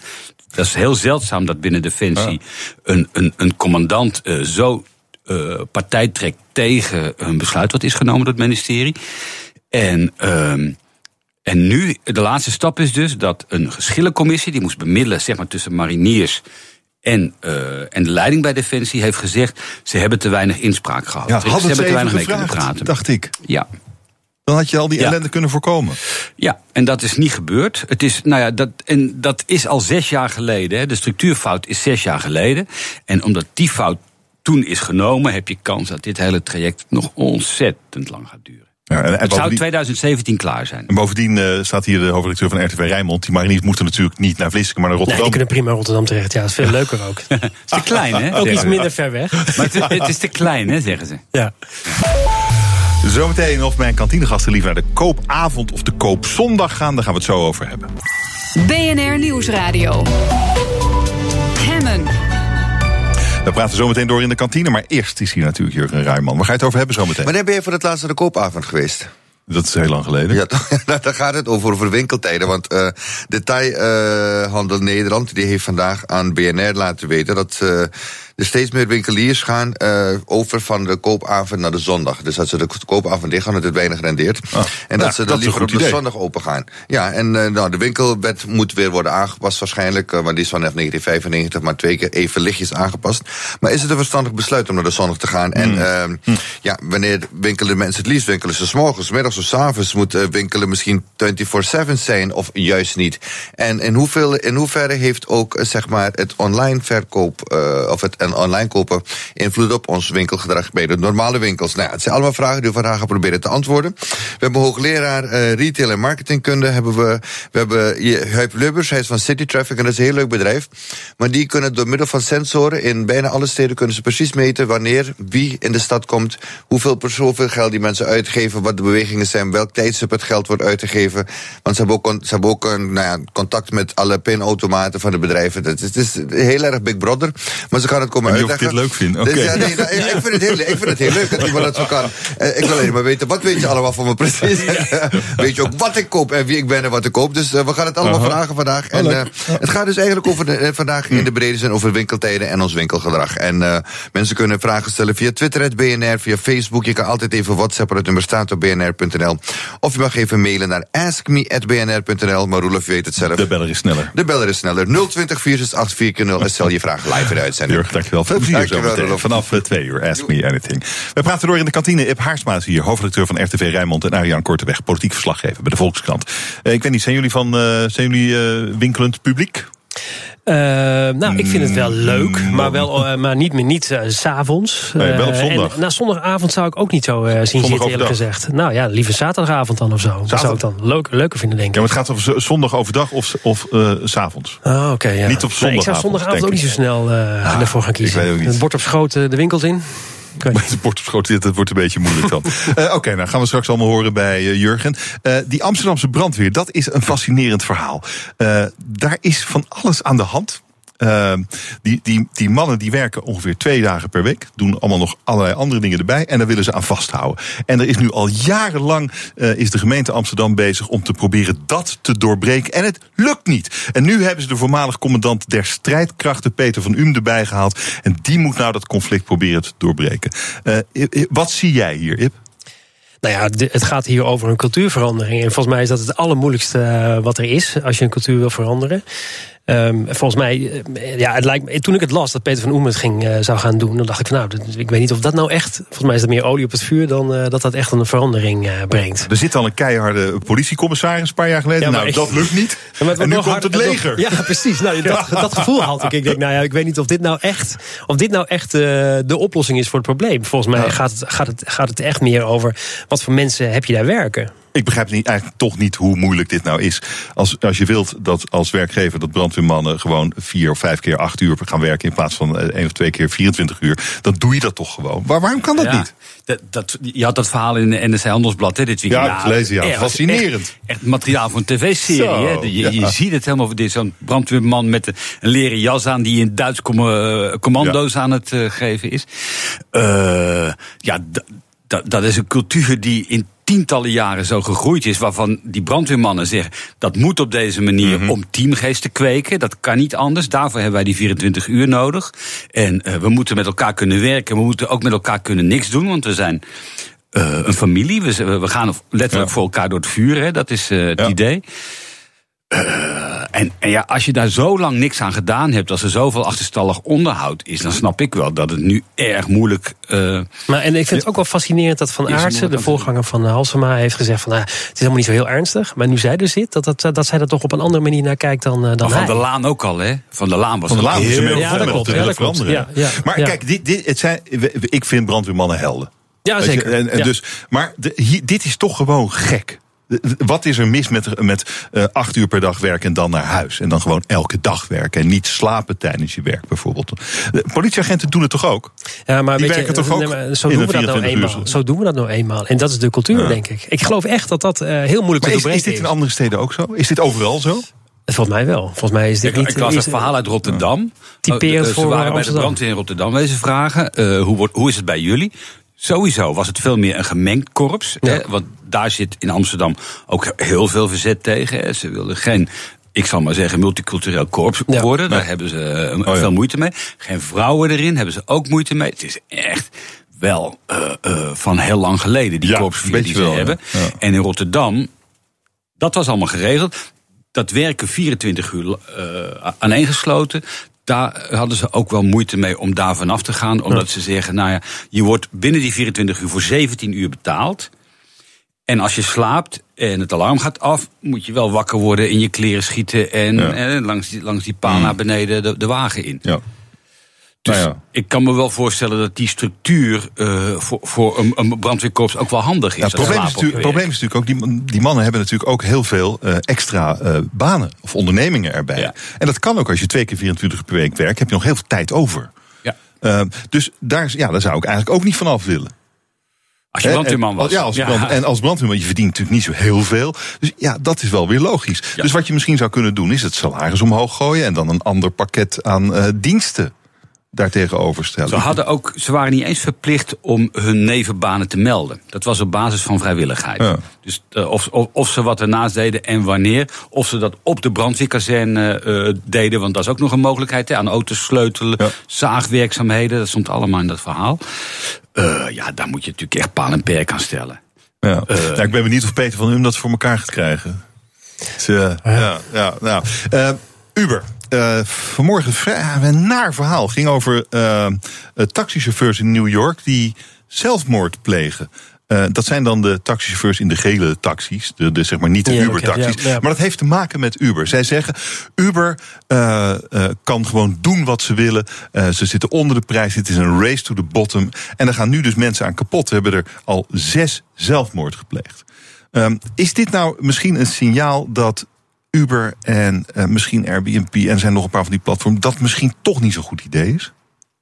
Ja, je loopt tegen de grenzen van dat systeem. Eigenlijk al de hele tijd hè, loop je tegen de Ja. grenzen Of van is dat... dit de transitie? Uh, nou, dit, dit, dit, is, dit is het punt. Uh, dit is een soort waarschuwingsmoment van dit is waar het toe leidt als je niet reguleert. En er zijn natuurlijk al, ik weet, bijvoorbeeld in Parijs is die regulering al veel verder. Uh, en in Amsterdam is die al verder wat Airbnb betreft. Dus er worden nu al regels gesteld aan die, aan die taxis en, of, of, of aan die platforms. En, ja. um, en, en door, door dit soort uh, ellende gaat dat versneld gebeuren. Maar ik vraag me dan echt af, kun je dat nou echt relateren aan de opkomst van zo'n platform, uh, zelfmoorden? Ik vind het nogal ver gaan, eerlijk gezegd. Ik bedoel. Er zijn altijd Hmm. tijden geweest dat, uh, dat. Dat zag je hier natuurlijk in Amsterdam uh, op een gegeven moment ook. Hè, ja. toen, toen al die. Uh, toen de taxicentrale Amsterdam. Daar moest je, als je daarbij wilde gaan rijden. dan moest je je inkopen vaak voor 100.000 gulden destijds. Dat is toen ook eigenlijk allemaal vrijgegeven, die markt. Toen mm-hmm. zag je er ook niet allemaal mensen die zelfmoord pleegden. Er was wel veel onrust. Mm. Maar uh, ik kan me niet zo goed voorstellen dat als het niet zo goed gaat met je zaak, je dan gelijk uh, zelfmoord pleegt. Is er dan niet wat, koppeling, ik bedoel, is er niet wat mm. anders aan de hand? Ik, ik, vind dat toch gek om dat heel erg te koppelen aan iets wat nieuw nou op de markt is. Zij, zij zitten natuurlijk wel in een race to the bottom, zoals ze het zelf noemen, die hun broodwinningen echt wel bedreigt. Ja, maar dat geldt dan toch. Ja, ja ik, vind het, ik, vind het, ik, vind het, ik, ik, ik vind het moeilijk om dat nou echt toe te schrijven aan Uber. Hebben ze die, hoe hebben ze dat onderzocht? Hebben ze gevraagd, uh, hebben, uh, hebben ze dat kunnen, hoe hebben ze dat kunnen onderzoeken? Dat die zelfmoorden te maken hebben ook daadwerkelijk met Uber? Of ja. wordt dat gewoon gebruikt? Je zou ook, dat is natuurlijk een punt. Je zou ook kunnen zeggen, misschien zijn die mannen in die gele taxis uh, gewoon ook wel veel te lang stil blijven zitten. Ook die kikkers die gekookt worden, toch? Dat is wat je, nou, dat is wat je in Amsterdam zag toen je uh, die, die snoorders kreeg. Uh, de, de, de, het niveau van de taxi in Amsterdam was ook heel erg laag. Dus er was ook enorme ruimte om druk uit te oefenen om dat te verbeteren. Ik bedoel, taxis moeten vooral ook uh, in taxicentrales naar zichzelf kijken. maar wat je wat in New York blijkbaar speelde, was dat, dat er bijna geen uh, beweging meer in het verkeer zat. Omdat al die Ubers oh ja. en al die taxis aan het, aan, aan het circuleren waren. Gemiddelde snelheid van 7,5 kilometer las ik. En uh, dus, dus dat, ja, dat, dan kun je net zo goed te voet gaan op een gegeven moment. Dan, dan, dan, ja, beter. Ja, dat, scheelt, dat, scheelt, dat scheelt er niet veel meer. En ik kan me voorstellen dat dat, als, als jij zo'n zo'n zo'n duur medaillon van, van 100.000 dollar mm. moet kopen. Taxivergunningen in, in Nederland ieder geval in Amsterdam zijn ook heel erg duur. En bij Schiphol. Dat moet je terugverdienen. En als dat niet meer lukt omdat de straten uh, verstopt zitten door, uh, door Uber-chauffeurs. dan kan ik me wel voorstellen dat je wanhopig wordt. Jongens, we gaan even een half minuutje muziek doen op eh, BNR. Luister. I can eat my dinner in a fancy restaurant. But nothing. Said nothing can take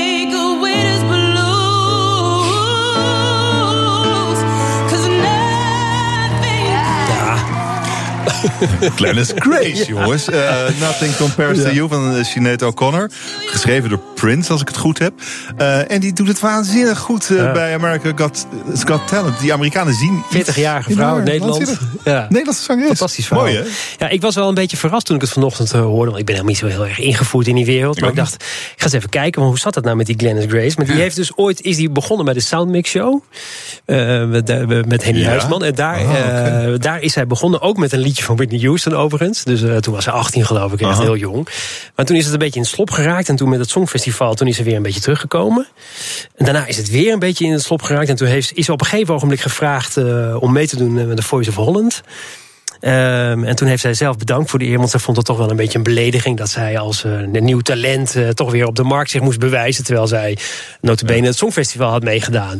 Um, uh, en nu heeft ze dus nu, nu doet ze mee aan die songcontest in, in Amerika met opnieuw een liedje van Door naar Houston. de nieuwe ronde. Nee, dit is Sinead O'Connor. Oh, Sinead O'Connor, sorry, maar ik vind het fantastisch. Ja. En tegelijkertijd is het ook wel opmerkelijk dat zij nu wordt neergezet als een talent, terwijl ze al vanaf haar achttiende ja. bezig is met dat. met, met goed, dat als je toegang geeft tot de Amerikaanse markt, denk ja. ik, oké. Okay. En ze kennen haar ook in Amerika niet. Dat is ook in haar voordeel, denk uh, ik. En ze zet er ook echt neer als een moeder die, uh, ja, die naast eigenlijk niet mocht. Die eigenlijk niet mocht van haar zoontje. En haar zoontje vond Dus ze weten het wel fantastisch ah, te spinnen. Ze weten er echt een verhaal ja, van te maken. En dat Nederlandse wordt heel erg weggestopt in die Amerikaanse uitzending, zag ik. Terwijl hm. zij zit zelf in Nederland ook in de jury van zo'n talentenjacht. Dus ze is op Nederlands niveau is ze totaal gearriveerd eigenlijk. Zit helemaal in het circuit. Ah. Nou, ze heeft een hoop albums gemaakt en doet Ja, maar ze heeft alleen maar succes mee gehad en- met, haar, met, met covers. Dus het is nooit een eigen liedje geweest waar ze... Ja, echt nee, dat heeft ze wel geprobeerd, heeft- hè? Is Johnny Cash ook groot mee geworden? Lee Towers. Eh, Lee Towers, een moment, ja. Ik wel. Geen disqualificatie, toch? Nee, nee, nee. Goed, is ze is wat, wat zij deed. is wel helemaal, helemaal voor de Amerikaanse markt eh, eh, geknipt, lijkt me. Ja, ze ziet er ook echt uit als een moeder. Ze ziet er ook echt uit als een moeder. Ze hebben ook echt Hoe heel ziet de moeder eruit dan? Nou ja, gewoon keurig, netjes. niet, te veel bloot. Ja, ja, en, oh, zo, ja, zo, Ja, ziet de moeder eruit. eh. ik, nou, ik, ik, ik hoop dat ze nog verder komt eh, dan ze nu al gekomen is in America's Got Talent. We gaan dat wel een beetje in de gaten houden. Het is helaas tijd om eh, de kantine dicht te gooien. Dank dat jullie er waren. Arjan Yes. Korteweg, politiek verslaggever de Volkskrant. En Nip Haarsma, hoofdredacteur van RTV Rijnmond. Dank jullie zeer. Dit was het voor vandaag. Morgen ben ik er natuurlijk weer. Dan is Alex Seim mijn gast. Hij is circusdirecteur van het laatste klassieke circus in ons land. Dat morgen, nu Jurgen Rijman met As